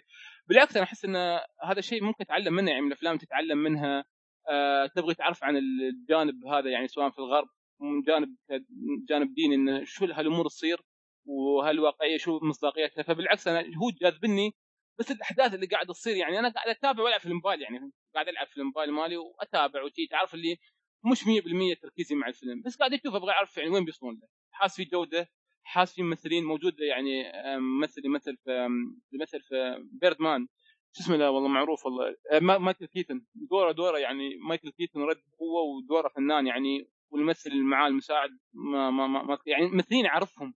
شكليا أعرفهم. بس هل هم أفضل ممثلين بالنسبة لي ويلفتون النظر؟ لا. بس لي يعني أذكر إن هالممثل محترم فلازم أتابع الفيلم دام في هذا الطاقم من التمثيل في مثلا مايك آه، مار- مايك رافر أو مارك اي مارك دور- هذا من أكثر إيه، الممثلين اللي. يعجبوني ما اي اي رهيب. رهيب إيه، الطاقم فنان اتابعه بس هل الممثلين أنا على مستوى شخصي يعجبوني؟ أنا صراحة قلت لا يعني مثلا مارك رافلو وهذول ما ما أتابع أفلام كثير يعني ممكن شفتهم The Hulk شفتهم في امور بس أحترمهم يعني مثلا عارف إن هالممثل لا يعني في له جودة في له شيء معين فالفيلم جذبني بس ما أقدر أقول لك إنه متحمس وممكن يعني أعطيه أوسكارز وممكن أرشحه حتى الاوسكار يعني مثلا أنا ممكن أطلع Spotlight أحط Straight Outta Compton أنا صراحة يا أخي يعجبني قصة N.W.A وعالم الراب وهذه وكان الفيلم جيد وحلو فعلى مستوى شخصي أقدر أقول لك إيه. فبس على سبيل موضح موضوع فيلم Spotlight لأنه هو من الأفلام المظلومة Room من الأفلام المظلومة ممكن The Big Short حتى. The Big Short يعني فيلم يتكلم عن ال finance أنا ما شفته يمكن هو الفيلم الوحيد اللي ما شفته لأنه يتكلم عن ال finance وتعرف إنه ما يمكن ما يشد انتباه احد فبس هذا كم علق على موضوع ممثلين؟ هائل في ال- الفيلم هذا. أوف The Big Short فيه كم كم كبير يعني حتى كم في كريستيان بيل ممثلين. الممثلين في Big إيه. شورت يمكن من أكثر الأفلام اللي الممثلين فيها يعجبوني يعني. بس ما شفته لأن قلت okay فهذا بس حبيت أوضح يذكرني هذه. ب Ocean's 11 ب Expendables عرفت اللي سبع ممثلين مشهورين كذا بفيلم واحد. صحيح. Big Short. تقريبا نفس الحاجة. فيلم الظاهر ترى عن financial crisis أزمة مالية صارت فعلا في سنه من السنين في أمريكا. لا لا الأزمة الماليه هذا صارت في يتكلم عنها 2008 كان. اللي هزت أيوة. العالم كلها لا الازمه اللي هزت العالم كلها في 2008 آه معروفة معروفة إيه. معروفة معروفة هي لا لا معروفة. أنا كيف هم طيب. تنبؤوه؟ يعني هذا ال plot إنه كيف آه. هذه أشخاص تنبؤوا للأزمة. أبو آه، شرف زعل ليش اني ما سألته قبل شوي ويوم اني سألته ما جاوب. قاعد يقول لي ثلاث أفلام. أبي أفضل فيلم شفته. The Walk أفضل من الثلاث من ال... بين الثلاثة هاي The يا Walk سلام. آه، لأنه أصلا فاجأني أصلا. آه طيب. متفقين إحنا. آه لا أنت اللي قلدتني. ما أنا ما أتفق معك. أنت اللي متفق معي. أنا من زمان قلتها. أنا من زمان قلتها. قبلك والله قاعد ادور كذا بالأفلام اللي ظلمت وحتى ما رشح ولا شيء. طب غشاش ترى ترى إحنا سجلنا ترى إحنا سجلنا حلقة قبل وجالسين نتكلم أنا وياك. عموما ما علينا. آه شو اسمه هذا؟ وين وصلنا إحنا؟ آه، اي لأن ترى مو بس إحنا اللي قاعد نقول هالحكي هذا حتى في كثير من الناس ترى يقولون هذا راح ينافس ليوناردو دي كابريو على الأوسكار ومدري شنو. جوردن ولا. ترشح المسكين. لكن ولا ترشح المسكين. عموما آه سؤالنا الأخير عن أفضل آه، ثلاث أفلام أو أكثر ثلاث أفلام رشحت الجوائز. عندك The Revenant رشح ل 12 جائزة و Mad Max رشح ل 10 جوائز و The Martian رشح لسبع جوائز. لو قالوا لك اختار من بين هذه الأفلام أفضل فيلم فما هو؟ طبعا أحمد تقريبا قال Mad Max إنه هو أفضل فيلم عنده فهذا من ضمن الخيارات الموجودة. آه، أنا من ناحيتي نفس الشيء Mad صحيح. Max إذا كنت محتار ب- لازم أختار بين هالثلاث Mad Max آه أنا بختار The الأدب؟ Martian أنا. أنا بغ... أنا Martian هذا من الفيلم الفيلم الرابع اللي نسيته. هذا من الأفلام اللي استمتعت فيها بعد. قد أعطيته أعلى درجة عندي. أعطوه حقه هذا. معط- مرشح لسبع جوائز يقول لك. مم.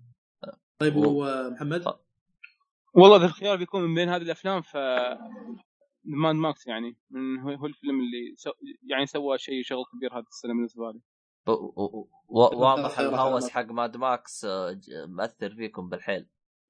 مع انه Mad Max شفت من فترة طويلة على فكرة يعني و... بس آه، هو اللي أبهرني يعني أكثر فيلم أبهرني هذه السنة.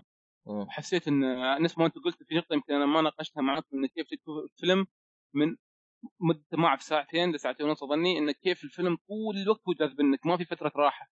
ما في راحة ما في راحة معنى يعني معنى أكشن ورا أكشن. بالضبط. وأسلوب زي ما قلت أسلوب جديد بالأكشن ومن الحركات هذه. فما أدري أعتقد أنتم كذا خلصتوا كل شيء ولا أنا غلطان؟ في فيلم ما تكلمنا عنه صراحة. خلصنا. اللي هو هات. آه فيلم بروكلين يعني هو مرشح للأوسكارز وما ظني حد فيكم شاف حد فيكم شاف فيلم بروكلين؟ أنا ما شفته. أحمد؟ في حد ما حد؟ لا والله ما. ظني حد ما شفته. آه، okay فيلم بروكلين شفته الأسبوع اللي فات يعني أنا بحب أقول يعني رأيي عن الفيلم بشكل سريع دام. موجود. آه الفيلم الصراحه من الأفلام اللي أبهرتني بشكل كبير. آه فيلم توقعت إنه يكون رومانس يكون فيلم ممل. تعرف من الأفلام اللي مرشحة للأوسكار بحكم إنه يناقش قضية معينة ناس 12 ييرز سليف وإنه مدخلوه في الأوسكار يعني. بس آه، فيلم بروكلين الصراحة يعني أبهرني من قصته ومن إن الأحداث كيف تربط مكانين في بعض وكيف إن الشخصية يعني من, من ناحية إنسانية الفيلم يعني يلعب دور كبير فيك. يعني تخيل إنك مثلا القصة بشكل سريع تتكلم عن آه، وحدة تسكن في إيرلند تضطر إنها تنتقل يعني تنتقل تعيش آه، في أمريكا بروكلين. منطقة بروكلين أمريكا يعني. الأحداث تكون عام 52 فكيف إن شخص صغير بنت صغيرة في هذا العمر تروح تعيش في أمريكا كيف هذا ممكن يأثر عليها من جميع النواحي؟ يعني مثلا تخيل إنك أنت شخص عندك أبو وام واخوان وأصحاب وكل شيء بسبب الظروف تروح تنتقل في دولة ثانية وتعيش فيها. كيف هذا الشيء ممكن يأثر عليك؟ كيف هذا الشيء ممكن يفتح حياتك؟ يعني هل ب... هل بتعيش هناك؟ شوف كيف كيف تتواصل مع أهلك؟ ولا تنسى إن الفيلم يعني أحداثه في 52 يرويك انه كيف إن الشخص ينتقل من مكان لمكان ترى شيء كبير ما في طيارات وهذه الأمور السهله يعني مثلا كيف انه يرويك انه كيف تنتقل على طريق باخر من إيرلند لين أمريكا في بروكلين كيف انه الموضوع صعب ما هو سهل ما هو شيء أنا بس ممكن أسويه في يوم وليلة انه خلاص أنا بروح وما عجبني الوضع بعد شهر برجع. خلاص هي خطوة خطوة بسويها وبتأثر على حياتي ممكن أتزوج هناك ممكن أتعرف على ناس هناك. بس كيف هذه الأشياء ممكن تأثر على حياتي اللي كانت في إيرلند؟ هل برجع؟ شو الأمور. فالفيلم من هذه الناحية يعني فيلم له قصة له مغزى. الممثلين يمكن ما هم مشهورين بس كل واحد حاول يؤدي دوره يؤدي دوره قد ما يقدر عليه. فالفيلم له له. أنا يعني تفهمت ليش ممكن الفيلم هذا يترشح لاوسكار يعني ممكن أقول لك إن الفيلم هذا أفهم ترشحه للأوسكار و ممكن يعني لو أحط ترتيب الأفلام هذه السنة ممكن هو يكون المركز الثالث للخامس يعني. يعني فاذا هم ثمان أفلام فلازم يكون موجود بينهم. يعني ما ما ما شلة من ال list ه واحط مثلا فيلم ثاني بدالة يعني. يعني مثلا ممكن أطلع Room صراحة وأخلي الفيلم هذا موجود. ممكن Spotlight لحد الحين ممكن أطلعه وأخلي هذا موجود. The Big Short ما شفته ما ما أقدر أحكم عليه. ممكن أطلع Bridge of Spies وأخلي الفيلم هذا موجود. فتعرف يعني الفيلم له جودة وله قصة يعني ممكن أثرت فيني بشكل أو بآخر. لأن تخليك تفكر في إنه لو الموقف صار لك كيف ممكن تتعايش معه يعني. فها بالنسبة لبروكلين. والله واضح إنه شيء ممتاز لكن إن شاء الله إن شاء الله يعني راح أشوفه أنا ما ما يفرق ما يفرق تشوفه في السينما ولا ما, ما يفرق على فكرة يعني لو شفته في البيت عادي لأن هي دراما أكثر شيء. تمام انت عاد الدراما والله الأفلام هذه أتحمس إني أشوفها عشان أشوف بروكلين. أشوف الشوارع واشوف كذا والحواري لأن رحت هناك ف أقول والله نفس الشوارع اللي شفتها هناك كذي عرفت؟ يعني نفس فيلم The Intern. يا أخي والله في لقطة أخبر إيه The Intern حق روبرت دينيرو الظاهر. اعرف حق روبرت دينيرو. في لقطة لقى إعلان عن وظيفة في محل خضار. والله محل خضار جاي ب corner. آه أتوقع إني مريت من ذاك الشارع. والله إني أتوقع إني مريت من ذاك الشارع. لأن عمود ويما محل خضار وجاي على corner وصفت الخضار بالطريقة هذه. عرفت؟ فأتوقع في بروكلين نفس الحاجة جابوا لك الجسر اللي يربط بين بروكلين ومنهاتن ظهرنا في لقطة كذا أيوة أنا شفت ال trailer حق الفيلم. موجود موجود. أيوه أيوه أيوه. صح؟ اللي هو Brooklyn Bridge على ما أعتقد. فهذاك مشيت هذاك الجسر كله. يعني رحت بروكلين ها؟ هو موجود ذاك الجسر يعني. وراك وراك وراك آه قديم موجود موجود هو موجود قديم هو إيه. هذا. هذه شغلات كويسه ممتعة أنا لما أشوف هذا فغير هذه الشغلات أصلا تتكلم عن ان الفيلم دراميا حلو ويوريك عن واحدة رايحه من أيرلندا لنيويورك كيف بتعيش وكيف كذا. شكله شيق يعني. أنا أحب أحيانا الدراما المحبوكة اللي تجيك بالشكل. شيق شيق شيق. طيب هل باقي في أفلام تتكلم عنها أو حاجة زي كذا؟ والله شوف يعني من ناحية أهم الأشياء يعني هذه ال best تقريبا غطينا كل شيء يعني تقريبا تكلمنا عن أغلبية الأشياء الموجودة. في ترشيحات ثانية وممثلين يعني ما ما أدري يعني أحس شوي صعب ندخل فيهم. يعني مثلا بس animated film أفضل فيلم animation من ناحية أشوف Inside Out يتفوق عليهم جميعا. يعني كانت تجربة ممتازة. أتفق معك بعد. مم. والله هو فكرة أنا ما. أنا ما شفت القائمة كاملة بس يستاهل Inside Out يستاهل. رغم إنه عندي تحفظ ضد ساند اوت إنه ياخذ جائزه لكن ما عليه. من ناحية ال... يعني زي ما تقول المنافسين ما أشوفهم بهذيك القوة يعني زي ما تقول إيش؟ ما في شيء منافس آه، في الأداء حتى يكون ياخذ الأوسكار عنه. على فكرة آه. يعني هذه السنة الصراحه السنة إيه، شوي ضعيفة. يعني افضل مع أفضل صح؟ الأفلام العادية يعني. بالضبط. صح. أنا هذا ذكرته. أنا قلت ذا ريفرنت فاز فهذا لأنه ما في ذيك المنافسين القويين. هذا أفضل الأفلام ما بقول أفضل الافلام سيئة أفضل الأفلام العادية. كان في أفلام عادية فلو. تجيب لك فيلم يتميز شوي خلاص آه، أتوقع يعني يقدر الجائزة يفوز له. مو مثل 2013 اللي كان عندك كم هال. الف... إيه. 2014 المنافسه تصير أصعب إذا كان في كم هال 2014 كانت خمسة أفلام مرشحة ثلاث أفلام قوية جدا. أه شيء غير طبيعي في ال- هذا. أه فيه ما أدري Bridge of Spies إحنا ما تكلمنا عن اللي هو الشخصية المساعدة اللي هو رشح بالجائزة. أنا ما أدري عنه عاد كيف أداؤه بالنسبة لكم؟ اللي هو مارك أه ري... ريلانس أو حاجة زي كذا.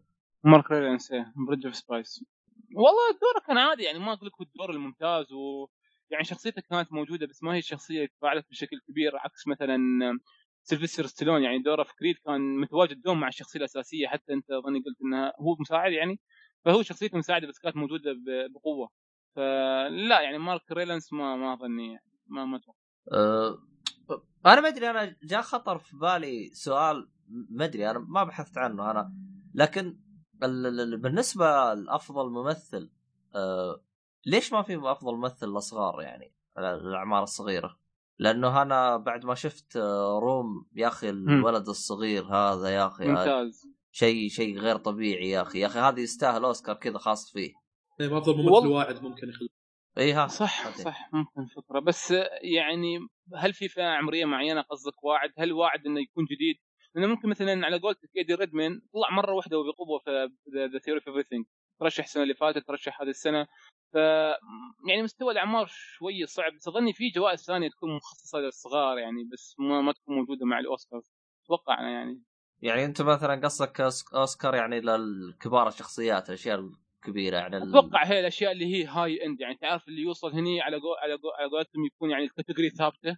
وعندهم أفكار ثابتة ما يبغى يروجون لأفكار معينة مثلا ما بغى يدخل فيلم Straight Outta Compton لأنه يحس عن العنف فتعرف يدرسون الموضوع من عدة نواحي.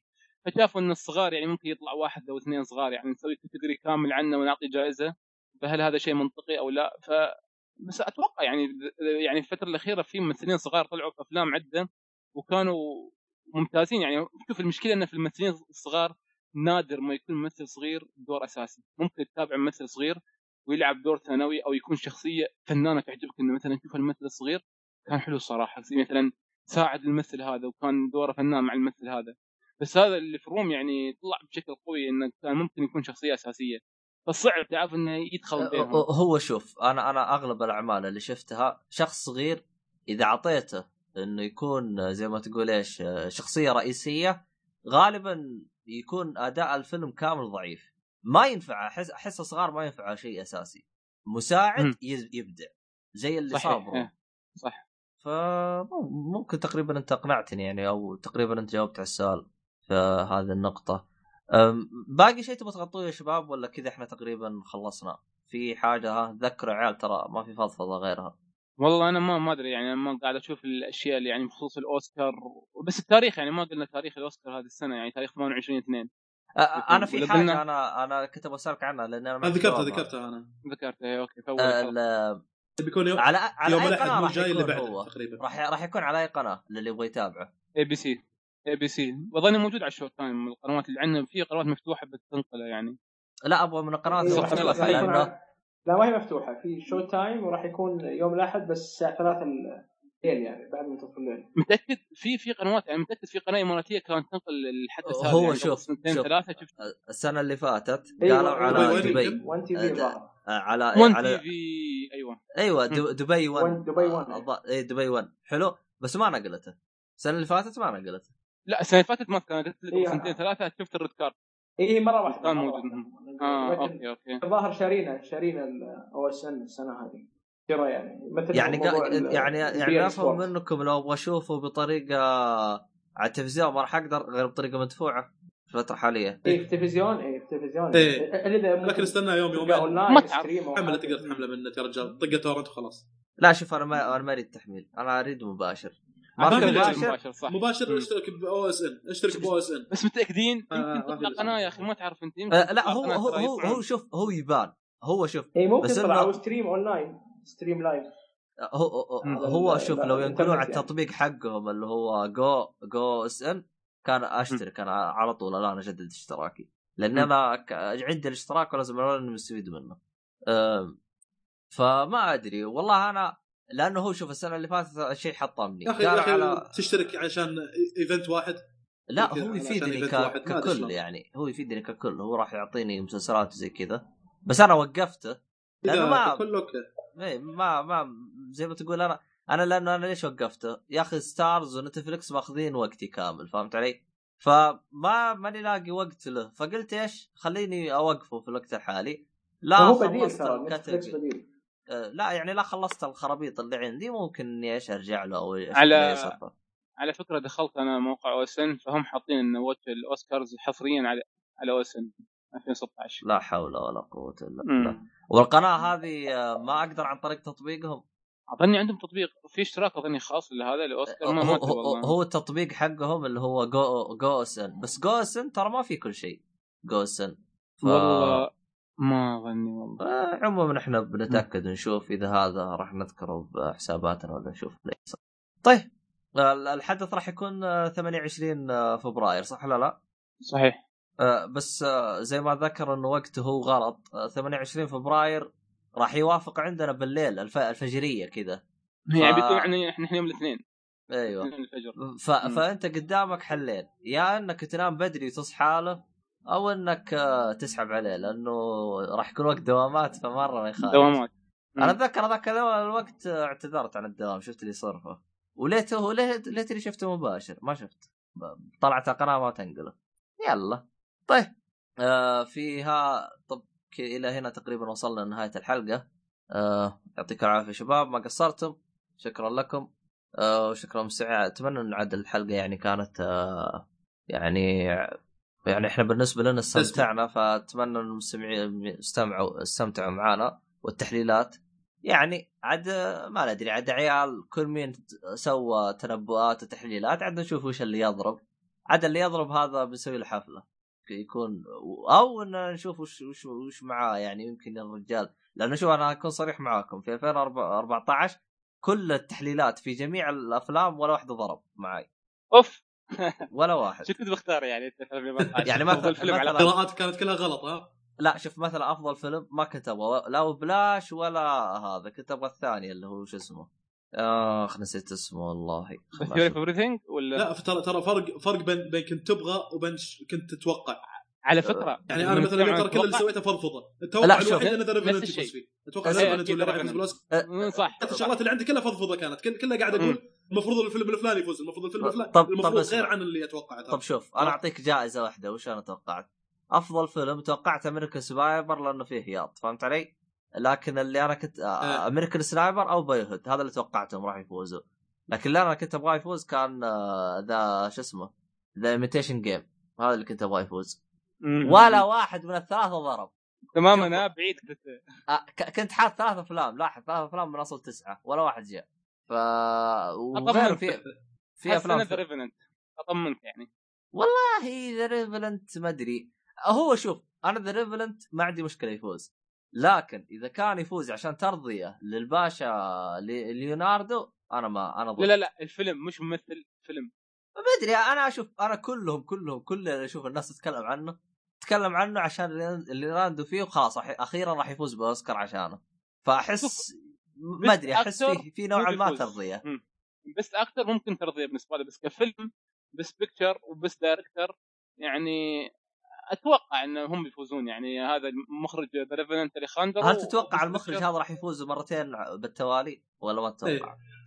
بسهولة بسهولة بيسويها دام حصل كل الجوائز الحين من كل الجوائز هذه السنة راحت له اللي هو بافتا. والاشياء الثانية هذه كلها كلها كلها بافتا وجولدن جلوب كله هو حصلهم مع انه على فكرة يعني الفيلم لو لو أنا بتكلم بكون حقاني إيه مخرج Max Mad هو اللي ابدع في الفيلم. يعني حبكته وكل شيء كانت حبكة إخراجية مش حبكة فيلم نفسه إنه هو في جودة. الحبكه الإخراجية والأكشن والتصوير هذه هي اللي لعبت دور أما كفيلم نفسه فيلم فيلم نفس ما قلت لك في أفلام ثانية محتواها كان أفضل من ناحية فيلم. طيب بحس طيب انه فيها اللي هو آه، شو اسمه Mad Max يعني ما تتوقع إنه راح. يفوز كأفضل مخرج؟ ما أعطوه ولا جائزة للحين. يعني صعب. احس أحس إن السنة هذه بيسوون أشياء ما سووها من قبل. بنخلي مخرج يفوز سنتين ورا بعض بنخلي فيلم يفوز بسبه هذا بنخلي مخرج ما أعطيناه بنعطيها المرة. سبورتنج اكترس بنعطي سبس يعني سنة الترضية من جميع والأرقام الغريبة من هذه. أحس إن هذا اللي بيصير يعني. دارسين الموضوع من هذه الناحية شكلهم والله إذا كان ترضية ف بتضرب من هذه الناحية.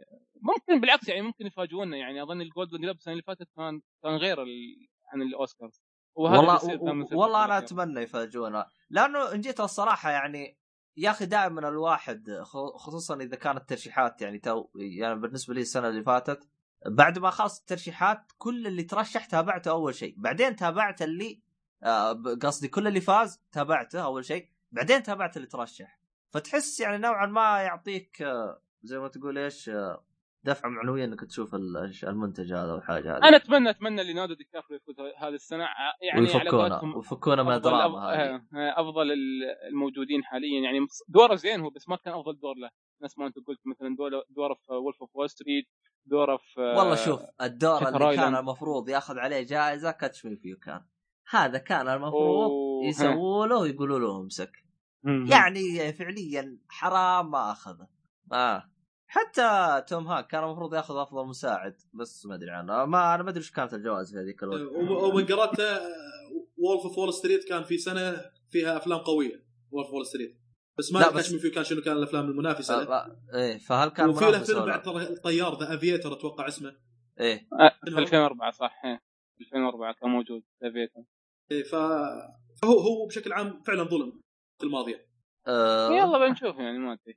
آه، بس يعني يعني خلنا طب هذا سؤال كذا على السريع هل تبغونهم يراضونهم بهذا السنة ولا لا؟ ولا تبغى الوضع حقاني؟ بالنسبة لك يا محمد اباهم يراضونهم لأن هذه السنة على قول على يعني ناس ما اكتشفنا إن الأعمال ما هي ما في عمل يعني ص... مثلا أنا مستوى شخصي لو إيه. فاز The Revenant بقول لك okay لأن الأفلام الثانية ما هي الأفلام اللي مثلا هذا آه، الفيلم في منافس 10 من قوي 10 يعني هي يعني مثلا هذا الفيلم لا هذا الفيلم يا جماعة يستاهل 10 هذا الفيلم يستاهل 8 آه. كيف تعطي 8 وما تعطي 10 لا كلهم يعني قراب من بعض تعرف؟ إنه ما في فيلم خبل بهذه السنة. أها. هذا هو يعني من الأخير هذه بوصله وبالنسبه لو فاز بس وأنا وأنا نفس الشيء تقريبا. وهذا مم. اتقبلها أتقبل الترضيه على على مضض شوي يعني. إن كونهم ما فازوا بالسنوات الماضية وهم يستاهلون كان لهم أعمال okay بيرضونهم هالسنة ما في مشكلة. لكن ودي أروح أسألهم سؤال أقول لهم أنتم شفتوا فيلم The Walk ولا جاي ترشح لها؟ ترى ظلمتوه. لا يفوز بس على الأقل خليه يترشح عرفت؟ بس هنا الاشياء عندي أنا. فيما عدا ذلك ما أدري يمكن يفوز The Revenant على حساب best picture وما أدري شنو على حساب Mad Max مثلا. كذا أتقبلها زي ما قلت لك على مضض يعني. وأنت أحمد مع الشباب؟ يا أحمد. والله يعني لأن في الأخير آه، ليوناردو دي كابريو يستاهل يعني والمخرج يستاهل ما أقول لهم ما أقول لهم سيئين يعني. فأنا أشوف هذا اللي بيصير يعني أتوقع. طيب طيب. هذه تقريبا كانت توقعات الشباب و- فإذا كان عندكم توقعات آه، طبعا اكتب التوقع قبل لا تنزل الحلقة. مو تنزل الحلقة تكتب توقع وتقول ضربته. سامعين فهذا بالنسبة ل طيب هذا بالنسبة ل اللي هو الأوسكار. آه، آه، أشكر آه، الشباب على قبولهم الدعوة اللي هو آه، محمد آه، المازمي صح؟ نعم صحيح صح. إيه، يا أخي من اليوم جالس أبغى أنطق صح؟ وعبد عبد العزيز.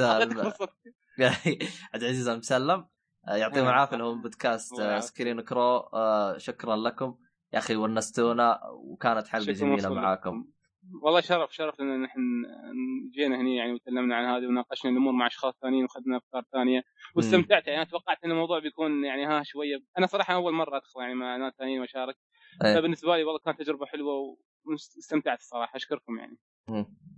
ما قصرتم يعطيكم العافية و... وأبو حميد آه، كان ال... ال... ال... اللي مخالف الكل ما أدري إيش فيه ناوي حرش اليوم. فطيب. طبعا اليوم صاير والله ما أدري عنك والله. هل مثلا أنت حاقد على آه، شو اسمه هذا فواز؟ يعني ما ما تبغاه يتفق معاك يعني ولا إيش الهرجة يعني؟ ما أدري عنك والله. لا أنا أبغى أبغى أدخل حبكة درامية يعني. أها. لما نتكلم عن افلام والله. يبي يسوي أكشن. إيه ما ينفع كذا يعني يكون متفق معانا بكل شيء ما ينفع. فيعني هذه كانت الحلقة. كل حساباتنا كل شيء راح تلقاه بالوصف. آه طبعا آه آه شو اسمه هذا؟ محمد راح تغطون آه الحفل في حسابكم بتويتر صح ولا لا؟ حفل إن شاء الله، إن شاء الله. آه، الأوسكار إن شاء الله. آه إذا كان تبغوا تغطية مباشرة للي مثلي أنا ما أعتقد إني راح أقدر أشوفه مباشر. آه، تقدر على حسابات التواصل حقت Screen Crew آه، كلها راح تلقوها في الوصف إن شاء الله. هذا كل شيء عندنا ويعطيكم العافية وإلى اللقاء.